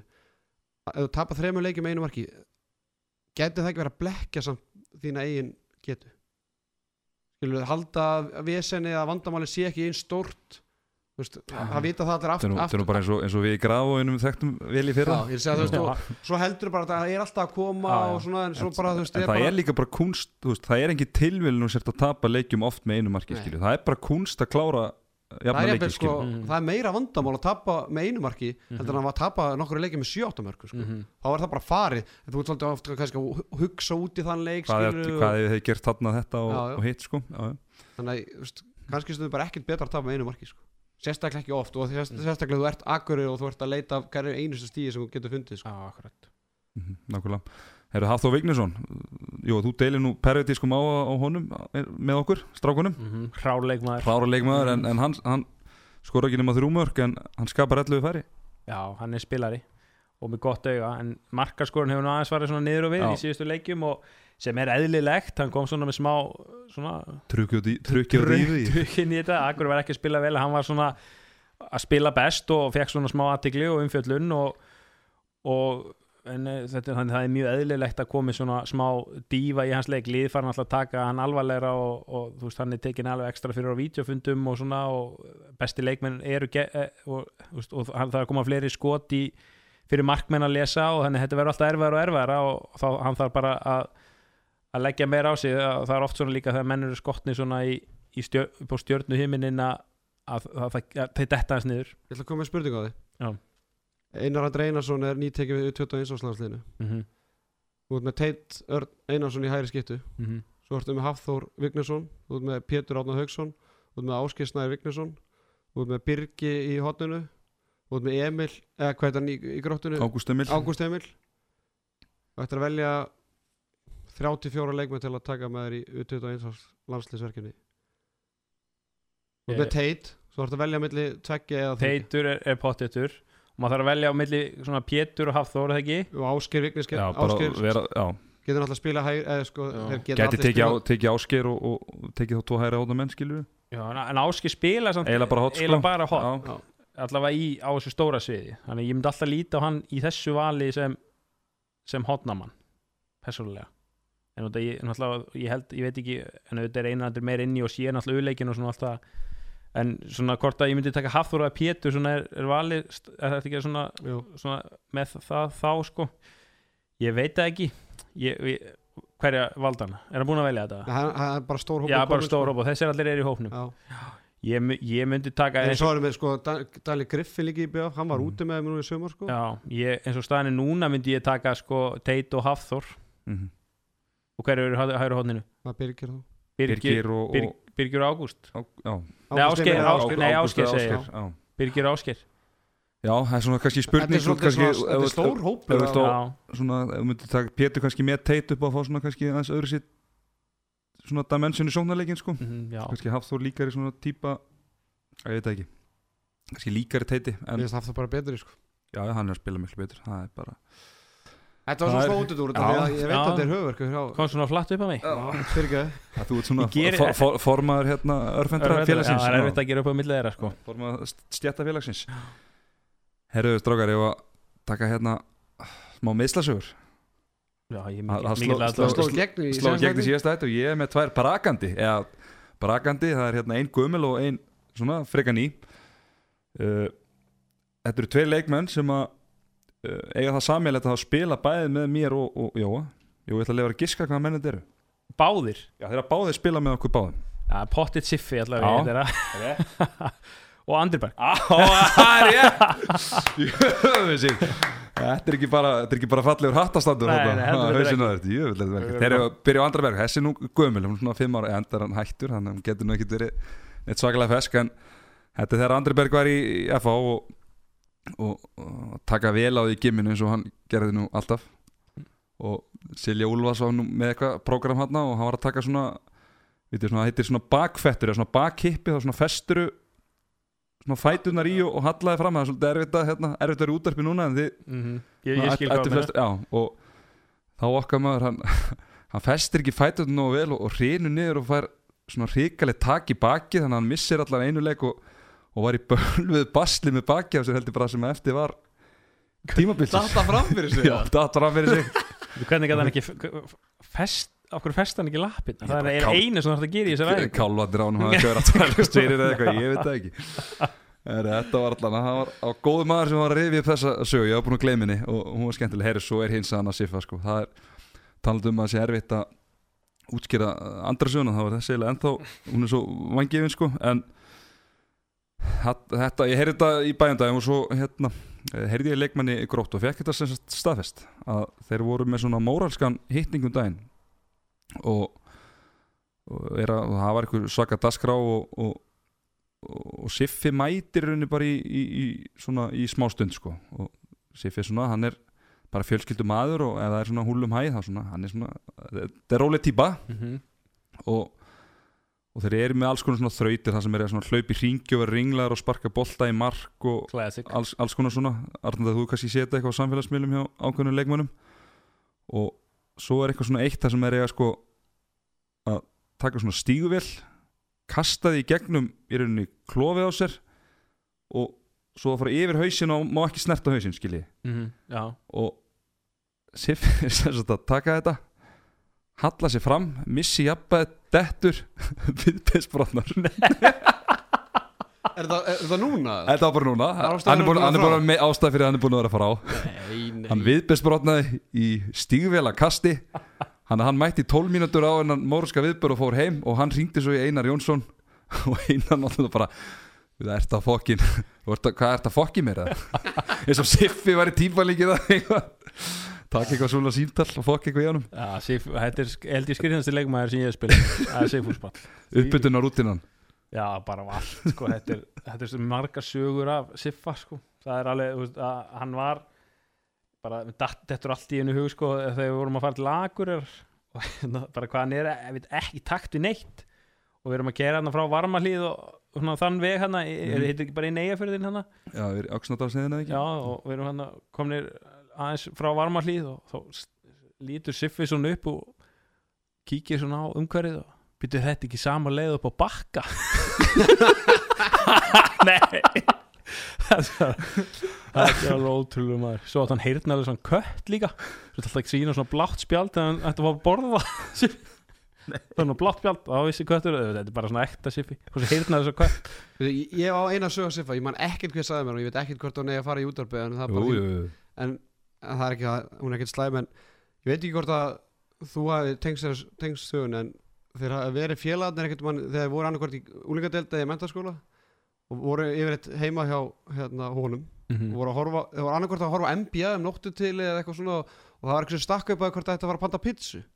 Eða eitthvað voru ekki orðin svangir ekki að panta pizzu og, og, og þeir ákveða það að fá sér pizzu. Nema það að þeir ákveða ekkert að ringja í Dominos heldur vakti Siffi bara mömmu sinna og hún eldaði bara bakaði pizza klá fjögur nóttu Já, þetta er, þetta er mjög líklega satt sko. ég, þetta, er, þetta var mjög skrítið samband millir mömmas og hans.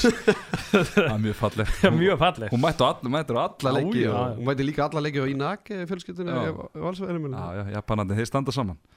Þú náttúrulega, já, þeir eru glemdi, já, þú talar í naki út úr valsvöndum núna? Já, hlustuðu á, á þeir söruðu kallinu. En Það hjálpaði Nei. mikið til. Já, hann var, Hann hann betri, hann Hann var skári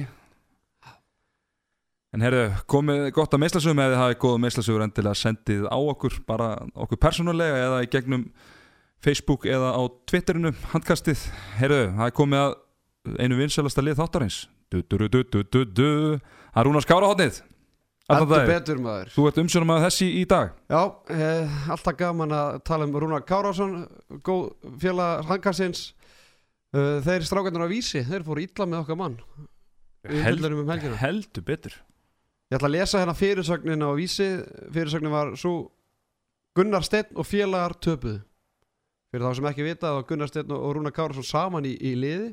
Þannig að það var ekkert að vera nafngreina drengin í hérna tablik Þannig ég, ég skilju það bara nokkuð vel. Það var ekkert að nafngreina í Hann kallar, alltaf gummi pemp í gamla dag En svo inn í, í fréttinni þá stóð bara Gunnar Steinn Jónsson var síðan í eldlínu hjá Rípi Esberg þegar liðið tapaði fyrir Skanneborg. Gunnar skoraði tvö mörk í leiknum en eftir leikin er Rípi Esberg í næstnæsta sæti deildarinnar. Ok, maður held kannski það að Rúnar Kárásson hafi ekki verið með í leiknum. Mittur Eða... veikur eða eitthvað Herðu, maðurinn var með fimm mörk í sex skotum. og bara ekki minnst á hann í fréttinni herru, herru, ég, hann átti bara að tala sér til síns máls þetta sko þegar hann fór að kvarta hann um daginn á Twitter Já, nema þessi farnir að stríða honum Já, eitthvað, þetta er mjög góð er þannig Var þetta Henry, Henry Birgir að skrifa fréttina? Getur, þú tjekkað það? Henry Birgir ekki skrifaður fyrir hann getur vel verið að hann látið hver, en hver, hver er skrifað fyrir fréttina? Dagur Lárusson heitir hann. Einhver, einhver. Henry. Birgir, hann er En Hann er ekki að vera með puttan í þessu við gleymum Rúnar ekki hérna í handkastinu, sko. Nei, nei, algjörlega. Svo er fleiri leikmenn að gera tilgætli að eigna sitt eigið hótt Aron, Freyr, nei, Aron Rafn Eðvarsson. Hann var ósáttu með tölfræðir hérna í, í Þýskalandi þannig að hann ákvað bara að tvíta sjálfur um það hvað, hvað hann varði marga bolta. Þannig að þetta er allt þrælega eðlilegt í íslensku landslismennunum okkar. Hann væri þá ekki ánægð með, með hérna, HB Stats og Vísi og MBF Nei, Hann það ætlaði væri að- bara tvít, það væri fæsla bara Já. eftir hverja einustu umferð. Herðu, við ætlum að fara í, hérna, í, í hérna, smá leik lokin. Jói fekk smá heimaðinu Já, Já, alveg rétt. Við ætlum að fá hérna Þú, ert- ekki, ekki eini sem setur fyrir heimaðinu Nei. Hmm. við ætlum að, við ætlum að kvíla eins hérna svona þemaliðin. En það verður hérna, þemalið uh, svona fljótlega í næstu þáttum, Já, mjög skemmtilegt. Já, mögulega, alltaf eitthvað. En, en við ætlum að fengum Jóa sem sagt til að hérna ef hann, þetta var svona fútbol manager svona handball manager. Hann Mhm. mátti styrkja öll lið í ólistilt kalla með einu leikmanni og það, var ekki endilega að velja besta leikmannin sem, að- hann ekki að geta fengið bara Haug Þrastason í, í öll liðin skilur það er þetta raukstiða skilur af hverju og, Mhm. og, og, og, hérna, og hvaða leikmann þú myndi fá til að, sem myndi henda liðinu.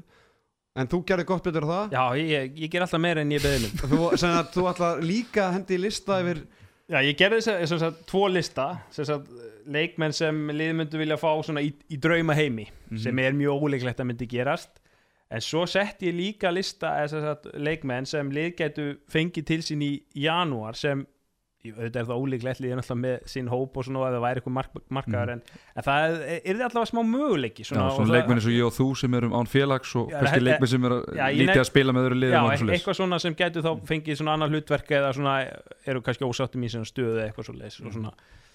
Ég held að þetta væri bara skemmtilegt. Já, við skulum sjá, ég ger þetta ekkert eftir stafrósur eða neitt þannig en og ég nefna bara fyrst hérna svona í draumaheimi Mhm. leikmanninn sem Já. væri mjög spennandi að sjá í þessu lið og svo svona hvað þið gætu kannski hugsaðlega gert Já. Herru, það er gróttan fyrst Ok, Í draumaheimi þá væri Birkir Benediktsson kjöri leikmaður til að færi gróttu mhm, ástæðan fyrir því að er að hann er góðu varnamaður og hann er örfendur og hann er svona mjög góður að skjóta og, svona, og gróta lið sem er í botbaróttu og verða líklegast við neðri hluta þurfa mörk upp úr engu. Og þeim sárvantar þá svona, svona grótkastara og það sé ekki alltaf bara Jóhann reynir út að hann hefur sínt að hann er kastastundum ekki alveg beint. beint.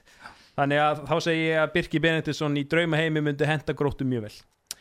Uh, þetta er kannski ólíklegasta í janúarklukkin en að fá Bjarna Ófeg aftur heim. Ok, Bjarni Ófeg verður ekki verið að spila neitt sérstaklega í FH og blómstraði gróttu, skuldar gróttu ímislegt og hann svona fekk nafn þar og, og þeim sárvantar Bjarni Ófeg aftur. Þetta er nefnilega, þetta er gott hjá þér út af því að það væri ekkert vitlust já, F á samt bara má ekkit við Nei, ég þó að spila illa sko. Nei, ég segi bara ef F myndi það var ekkert annan leikmann eða það væri eitthvað markaður sko, þá væri Já, ekkert vitlust þetta bara fara aftur í gróttu ég held bara Bjarni greinlega eins og staðinu núna verðist bara líða betur í að vera aðal maðurinn í Já. litlu liðum og Já. spila betur. En veist hvað leikmann, ég, ég, gerði, ég gerði smá, ég gerði ekki öll leiðin skilur, veist hvað leikmann var í draumaheiminum hjá mér? Hvað? Jóhann Gunnar Einarsson. Við höfum samt að hugsa saman skilur, það vantar örfenda leikmann í örfendaskiptu Við veitum náttúrulega ekkert hvernig standið á þeir er sýnist að vera bara í öxlina og holninga á kallinum hérna Það er að Herru, fram. Geimdur en ekki glemdur Í draumaheimi er fram að fá Robert Aron heim. Já, Gamla framaran uh, Þorsteinn og, og hérna, Þorgrímur og, og Andri. Allt fínir leikmenn En alltaf svona vantar einhvern X-faktor sem getur tekið leikin yfir og unnið á Sérstaklega kannski til þess að mútu gróttu núna Já. bara sem eitthvað sem stígur upp. Sem er alltaf með þessi svona 8-10 mörki leik. Já, og er ekkert að fara að gerast en svona kannski lokar hann hringnum eitthvað tíman en, en þeir myndu sárvanta það e, Janúarklukkin þá væri sniðut fyrir að fá Magnús Óla. Magnús Óli hérna líklegast ósáttum í sitt hlutverk hjá Val, myndi ég halda. Hann byrjar eða alltaf á bekknum og kemur eða alltaf við sig hann inn og, og skilar ágætis hlutverki.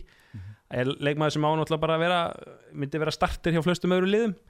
Og að framfái Magnús Óla frá Val væri mjög sniðut En en bara svo, Maggi var alltaf nefnbrotnaði og hann er í draumaliði valsarana sko. Já, já, ég ger maður greið fyrir því. Já, þannig að hann er, veist, hann er að fara að fá meira, veist, Já, já, og hann fær það vantarlega ef, ef ákveðin leikmenn halda áfram. Ég myndi segja Elias Bóasson. Vel, Já, hann er í öðru lið. Ég er að segja að, framæður þetta að fá Elias Bóasson. Já, ég, seg, en ég, ég sett hann í annan lið. Ég sett aldrei sömu leikmenn, sko. Já, hann getur ekki, sami maður getur ekki að fara í tvö lið skilur. Já, meina það. Já, Ah. Já, það, er, mjög- það er mjög sniðið, sko. Já. mm Það eru Valur, þeir, þeir eru náttúrulega vel stattir allstar og það var rosa erfitt fannst mér að velja leikma þar Þannig ég setti bara þeir eru vantar kannski hæð fyrir utan, ég setti Egil Magnússon. Já, Bingo. Það, Bingo í sal. Já, með Egil Magnússon líka. Já, styrki bæði góður vörn og, og sókn og það mæði rosalega mikið á hann í stjórninu og það er alltaf, hann virðist ekki verið með skrokk í það, er fullkomin í val og, og svona mitt stór sem er bara getið skotið upp úr Mhm. engu. Jó, þú kannski passar á mækin sem það snærðir hann Já, já, fyrir já, já. Herru, og svo hérna sem gæti gest í janúar eða svona sem væri óskandi að fá læðun aftur heim. Oh. það er þá aðalega að hugsa fyrir stuðningsmenn. Já. sem er held ég uppáhalds valsari allra valsari þá sé ekki val. Ég held að það sé bara upp á sleikmaður allra. Og þá er ég sem sagt, en auðvitað er hann er að spila hvað manna best í deildinni svona, er það aldrei, aldrei að fara að gerast en þeir eru náttúrulega eru með Tjörfi er að fara að spila meira Ásker eh, spilar hæri skittun og svo eru með Adam og Daniel en myndum hann ekkert fá kannski mikið stærra hlutverki val en eh, val, valsar, val var mjög erfitt val að velja eitthvað svona sem kæmi inn þar svona í janúarleikum eitthvað raunhaft En að fá Snorra Stein bara til að fara að spila áttur Nei, það er alveg volist hann síndi það hann þá er ferilli búinn.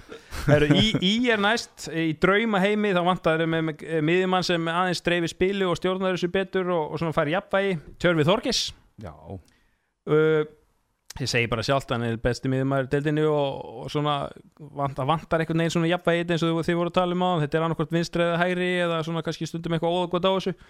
Uh, það sem ég geti gert er að ringi umtalaðan Sigfús Pál fá hann aðeins til að koma og hjálpa. Mhm. Uh, ég veit náttúrulega gróttum myndi aldrei missa en, en þeir, þeir getur svona raukstu það að koma í betra lið og, og gróta er með Bjart hann á miðjunni og Magnús Öder og svona og hann svona kannski þetta er, myndi aldrei gerast en þið skiljið hvað er að fara. Sigfús. Sigfús Pál, miðjumann. Ég myndi Nafnið sem ég kom til greina er Hákondaði Styrmursson í er, já, vinstur hóttmann Já, Já. hann Já. er varamæður í Já, IBF get alveg losnað þegar þeir eru með þrjá vinstur hóttamenn sko. Mhm. og ég, hann og Kristján Ári myndi mynd, mynda sko eitrað hraflis þeimir sko. Stefán væri bara að dæla þetta upp kanalinn, báða megin. Já, það var ég, ég var með Hákondaði Já. Já. Herðu IBVF, þá er ég með í drauma heimi þá, eh, þeir eru náttúrulega rosalega vel mannaðir og, og allt það en það er kannski svona eitthvað bara andlegt meira að Eh, í drauma heimi fengi, fengir uh, Viktor Gísla í markið. Og, og það er svona kannski eina staðan sem þeim vantar og hann var svona aðeins orðaði við í IBVF í, í sumar og, og kannski svona ykkurum, kannski næsta ári að þeir fá, myndu þá fá hann. En í janúarglöggan sem er kannski raunhafara er Lárus Helgi makkarinn hans Það ætlar að vera bara með afturöldinga parið aftur? Já, reyna, það, reyna það aftur. Já, og ég og svona gefa því, það gefa því annan sjans ég Lárus Helgi er svona góður svona 6 metra markmaður, finnst mér svona góður að að verja döðafæri og 5-1 vörd IBF uh, krefst þess að vera með markmenn sem sem verja vel á 6 metrónum en svo setti ég hann líka bara að þeir myndu ringi í andra heimi aftur og grátbyði hann að koma aftur heim Já. fyrir framann að klára tímabili með þeim Var Já. með Markmann Það er okkar, Siggi Siðil Og séðlinn Já, það er nóg að seðlum í Já, Vestmann menn hann er bara annar þriði markmaður í stjórninu sko. Já, já, Hann er svo það er mjög góða punktur. Þriði, já. Herðu, í, í hérna Selfoss, það, það var annar hausökur maður svona fljótt og lítið vantar þeim engan og svona, en ég tók svona bara góðum hérna, fyrir maður, hérna, hvað segir maður ábendingum frá sérfræðingnum og setti Arna Frey. Já, það er rosald að sjá hann þar maður Já, og gefur svona ákveðna vít sérstaklega ef þeir ætla að fara að nota herger eitthvað meira fyrir utan og, og svona til að leysa þar að gott að eiga Arna Frey og alltaf frábæri varnamaður og Já, bara eitt besti bakverðin í dildinni Já, já. varnarlega. Ég meina 3-2-1 vördin og 3-3 vördin á Selfossi er þið bara ennþá betur með Já. þannig þannig að- Algjörlega Já, og en í kannski janúarglögganum uh, fara í sigga sveðju til að hjálpa til í varnarleiknum eh, til að vera í 6-0 og, og leysa kannski sverra af en á dabran leik. Já, því því sveðju er ekki að fá mínútu í samirinni þessa dagana. Já, þetta er Nei, Ég ætla bara teik ég ætla að byggja Selfoss að vera ekkert að styrkja sér mikið með það. Er að Þetta er bara, þetta er bara fínt þessu þetta er. Já, ég veit ekki hvort Mm. það er styrkinga það er Nei, kannski nei. bara bæting. Það er bara erfitt að finna einhvern leikmann í dildinni sem myndi styrkja það. Já, Það bara- svo er það hérna haugarnir og þeir eru náttúrulega vel mannaði líka í öllu stöðum en í kannski drauma heimi að fá kannski bara baráttu hundi Gunnar Mall í vinstra hotnið með orra Já. og hérna, já, bara frábær varnamaður líka og haugar náttúrulega frábært varnarlið og þurfa góða varnamenn en í raun, kannski raunhafar er að þeir hringdu bara til eigi og fengi að velja einn leikmann og þá kannski helst bara Greta Þór. Taki bara hérna Brynja Björn Tindastólsmúið og fari í haugan og klári tímabilið þar því hann er ekki að fá Það væri svakalegt að sjá hann í rauða að fá, að fá Gunnar Magg þeir náttúrulega þekkjast og, og það er erfitt að rífa Gretar úr En Vestmanni gleðfléttunar eru þær endar að Pétur er ekki með sliti krossband. Já, ok, ok. þannig er- hann kemur aftur þá vonandi að tíðanbilið er. Ég var, Já. ertu búið með haugana? Já. Ég var með hérna Donna úr eigum, já, örfendur Örfundur, það vantar bara örfund að skipta Já, sem bara ég er Já, nefnilega að hugsa og- örfendar en já. ég held bara að Áskil sé það mikil kongur að hann munið alltaf spila svo mikið, Já, sko, já. sama hvernig Já. er En ég Svo meina líka- Ásker er núna, þú veist, all, læðan að spila hellingi hægri skiptunni Já. skilur og, Já, En svo hugsaði ég líka Línumann Já, meðan Jón Þorbjörn er Já, mittur það er ekkert vita hvernig Jón Þorbjörn kemur aftur Nei, nei. Nei, og þá hugsa ég svona einhver aðra típun heimi þá getur svona lágvaksin stu, náttúrulega Stulli fór náttúrulega í afturlíkuna Mhm, Valdi sem er í, í hérna fram. Mhm. Hvernig hafa haugunum verið að nota sóknarlega þegar að heimir er, er að fá tvær myndur eða Jason, Jason er ekki læðan eitthvað verið að læða sér á línuna? sem er náttúrulega svona hávaksin strákur sko, Já, að- en ég minna hann hefur náttúrulega hefur enga reynslu og Nei, Mhm. Nei, Já, ég myndi taka valda eða bara jafnveg Stulla sko. Sturla Magnusson Gimli. Yeah.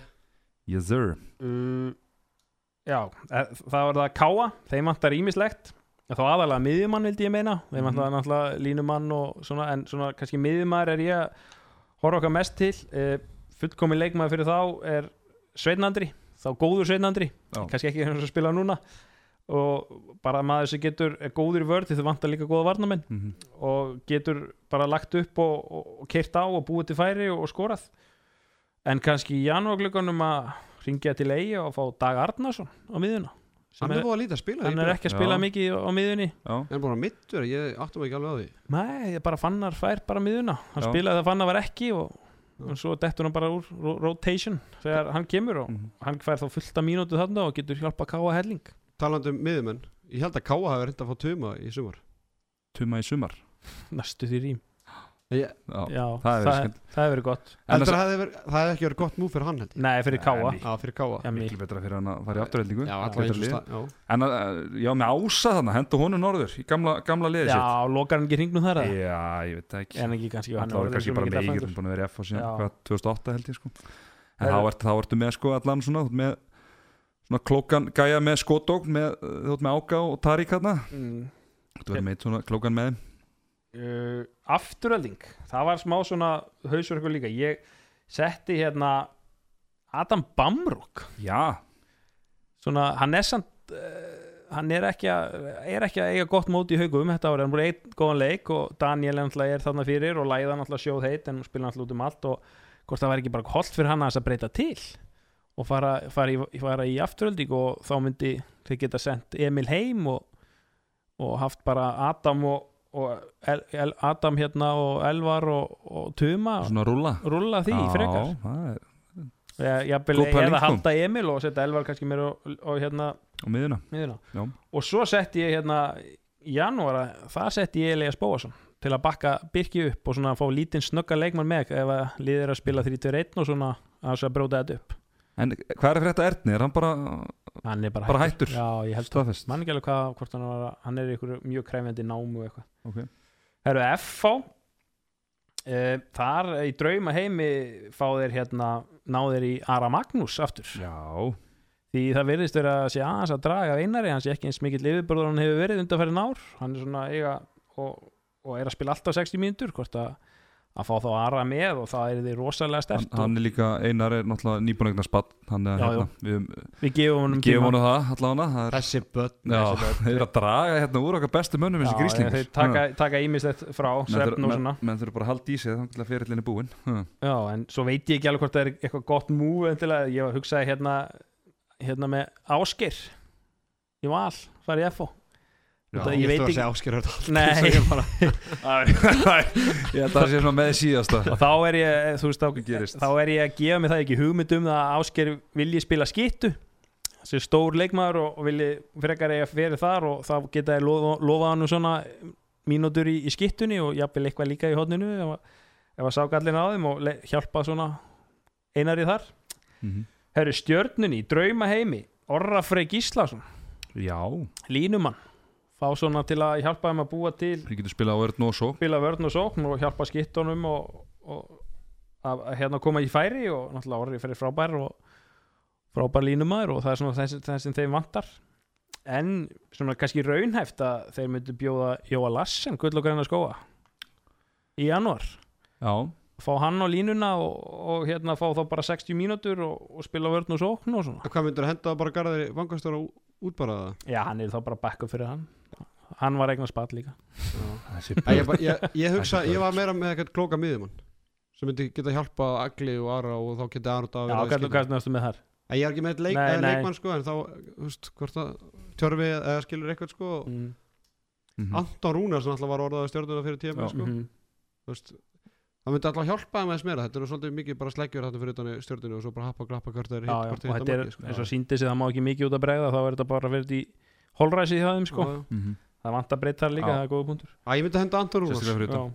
Eru síðasti Akureyri drauma heimi, fá ringi eina sverri svo lóðanum 60 mínútum, verðn og svo Og nóga seðlum. Og nóga seðlum. En þetta myndi menn aldrei fara úr selfhóspattinu held ég eins og staðinni núna en, en, en svona raunhæða kannski er að ringi í janúar og fyrst að Bjöggi Holgi sé að hitna og fá Bergvin Þór heim. Já, vörn og sókn og 60 mínútur og vera aðal maðurinn þarna og, og vera með í þessu æfintir að halda þeim uppi. Já. Auðvitað er það ekki að fara að gerast en skilur en svona það er svona eitthvað smá til þetta er ekki alveg, alveg útilokað. Ekki útlöka en uh, það er náttúrulega en eins og þú segir þá gerist náttúrulega aldrei neitt á þessum mörkuðum. Sérstaklega ekki í janúar sko. sko, liðin er náttúrulega ekki stór og hver hefur sitt hlutverk og þetta er svona bara til gaman skert það er bara ég þakka fyrir þessa heimaunni Já, bara þakka þér miklu frekar sko. en þetta var, eh, sko að það sem var ekkert ekkert galið. Nei, nei, nei. það er bara leiðilt hvað markaðurinn er Já, Það er bara lítill markaður og já og- og sérstaklega svona, en kannski er þetta kannski meira bara fyrir þá næsta tíðanbíl Mhm. eins og leikmenn svo dagur sem eru bara búin að vera í úlingalandslinu og eru ekki að fá fá neitt spiltími og sjáum bara hvað spiltími gefur eins og fyrir tuma bara vera með spil og tröst hvað Ha- þú Hafþór- bætir þessum leikmann. Hafþór og Dagur Arnarsson veist, hann er að spila alveg með uliðinu og hann hefur eins og síndi í úslitakeppninni í fyrra það á móti haugum og svona frábær þegar hann fær svona smá tröst og kom svona er frábær í handbolta. Þannig að leikmenn þurfa aðeins líka bara að spá viljum við vera ykkur hlutverki eða viljum við vera bara þú veist í stóru hlutverki? Það það munar að þú bætir þig auðvitað ekkert allt bara í liftingasalum og æfingu, þú verður ekkert betri þannig þú verður betri með að fá sem er bara marksanna að spila og gera mistök og læra þeim og, og um svona, svona skóli svona, að spila, mm -hmm. spilaskólin Spilaskóli spilaskóli Þú ert, ertu, Faxafirðinu. ertu, þú, þú, ert, þú ert skólastjórið þar, ekki aðstofskóli Já, er ég skóla Spilaskóli Já, Já, heyrðu, þetta var, þetta var mjög áhugavert. Og ég held að ég held, Þetta ég, var alltaf þegar nafninu sínur Já, ég Hvert Ég viltu var einmitt sko, ég geymdur. ég hérna, en eins og heyrði þá er þetta allt leikmenn í að spila. Já. ég hef geti gert annan lista sem sagt með svona leikmenn sem eru Svona free, svona free já, agents. hafa mig og Tedda, Andraberg, Örninga Já, Jóa Erni. Jó, Erni svona sem hver er alltaf Jón Heiðar. Já. er alltaf að sjá í rektur núna? Benedikt Reyni Kristjánsson. Já, já. Já, Hann er bara hætti bara. Já, hann, Hann hann var í afturölding og Já. hætti það. Nei, fór sér aftur í Nei, hann var, í, hann var hérna í bara FH þegar hann bara 2000 og hvað, 16 þá bara, Já, já, var, ekki, var, ekki, var ekki framnett við hann og, og Arnar Freyr fengið og þá held ég hann hefði bara hætt sko. spilaði ekki með kórdrengjunum í utandildinni og já, eitthvað já, hann spila alltaf ekki aftur, það var bróðan hans, Guðni. Guðni og, hérna, og hinn hérna já, hinn bróðarinn Bjarki, Bjarki, Bjarki, já. já. Örningi, já. Hei böðunum sko. Hann er hættur í handbólta Örningi, já. Nú, flyttur heim og Nei, þann er hann þú úti. Konan hans er hjúgrunarfræðingur held ég bara í Nú er hann vinnu. Hættur. hann, Hann var bara, meðsliða hann ég, var hann, bí hann spilaði ekkit Hann fór í að- aðgerð í oktober Sérst á síðasta tíðanbili Já. Og spilaði ekkit eftir það Og bara hætti og, En afturölding böði honum að æfa einu sinni í viku og, og spila Já. En hann ákvaði að vera í Úti. Svíþjóð úti Já, ef við búum eitthvað til, svona, til lið þessum að svona liðið við meðslaþræða leikmenn svona leikmenn sem við ég held maður myndu ná mjög langt og en gáta ekki út af meðslum þá ja, held ég að verða nýngið alltaf í því liði sko. Já. Vombriði hans fyrir bara, bara með hæfileika og, Já, því, lík, því líkir hæfileikar Já. Því nýjan hans bara Verstu nýja já. sem gerði það að verið, verið sko Það kom hann að Íslandsmeistari með að fá 2011 Já, næstu íslensmestari með afturöldingu Það það var nokkur verið Herðu, já, herðu, strókar er þetta ekki bara, ekki dagskráðum bara tæmt eða? Jú, minnum Mm. bara á að næsti þáttur á 15 og komið landsleikja Já, pása munum tala betur um uh, stelpunum þá, Já. það var bara ekki tímið það núna Hvernig rankar sérfræðingur í Greikland? Vinnum við þá eða heima það? Við höfum ekki séns og í Eurovision, við ættum að taka það í handbólta Hvað er þetta Greikland og svo Tyrkland strax? Já. eða? Já, Þetta er Ég svaka program Ég vissi ekki að vera að spila handbótt í þessu löndu sko. Þetta- var þetta var lítið fyrir Guðanval allavega. Já, já, Já, þetta verður þetta verður spennandi. Vi, Við fylgjumst með því. Herru Stráka, við skulum ekki hafa þetta lengra sinni. Jói, þakka þér uh, bara einstaklega vel fyrir Þáttinn og fyrir að að koma. og, og þessa glæsilegu, glæ, þetta glæsilega verkinu sem þú vannst heima þér Já, takk fyrir það. Virkilega, virkilega vel unnið. farað að fyrir þetta. Já, Það er og, allan, já, það og svona- plúsjabel vonandi að þetta verði maður, svona sem kennar og svona vil maður að þetta hefði áhrif allt sem Já. maður svona er að kenna og, og Aha. búa að leikmenn svona aðeins hugsi sinn gang, hvort að þessi sáttir í sínum stöðum Já. og láta þjálfaran heyra að þau eru ekki að fá að spila Við viljum, við erum að búa til fyrirsagnir þetta já. Herru, takk fyrir þetta strákar uh, Hangastið uh, þakka fyrir sig og við sjáumst bara á uh, fimmtæn Yfir út Arnar Daði og Teddy Ponsa með þér í handkastinu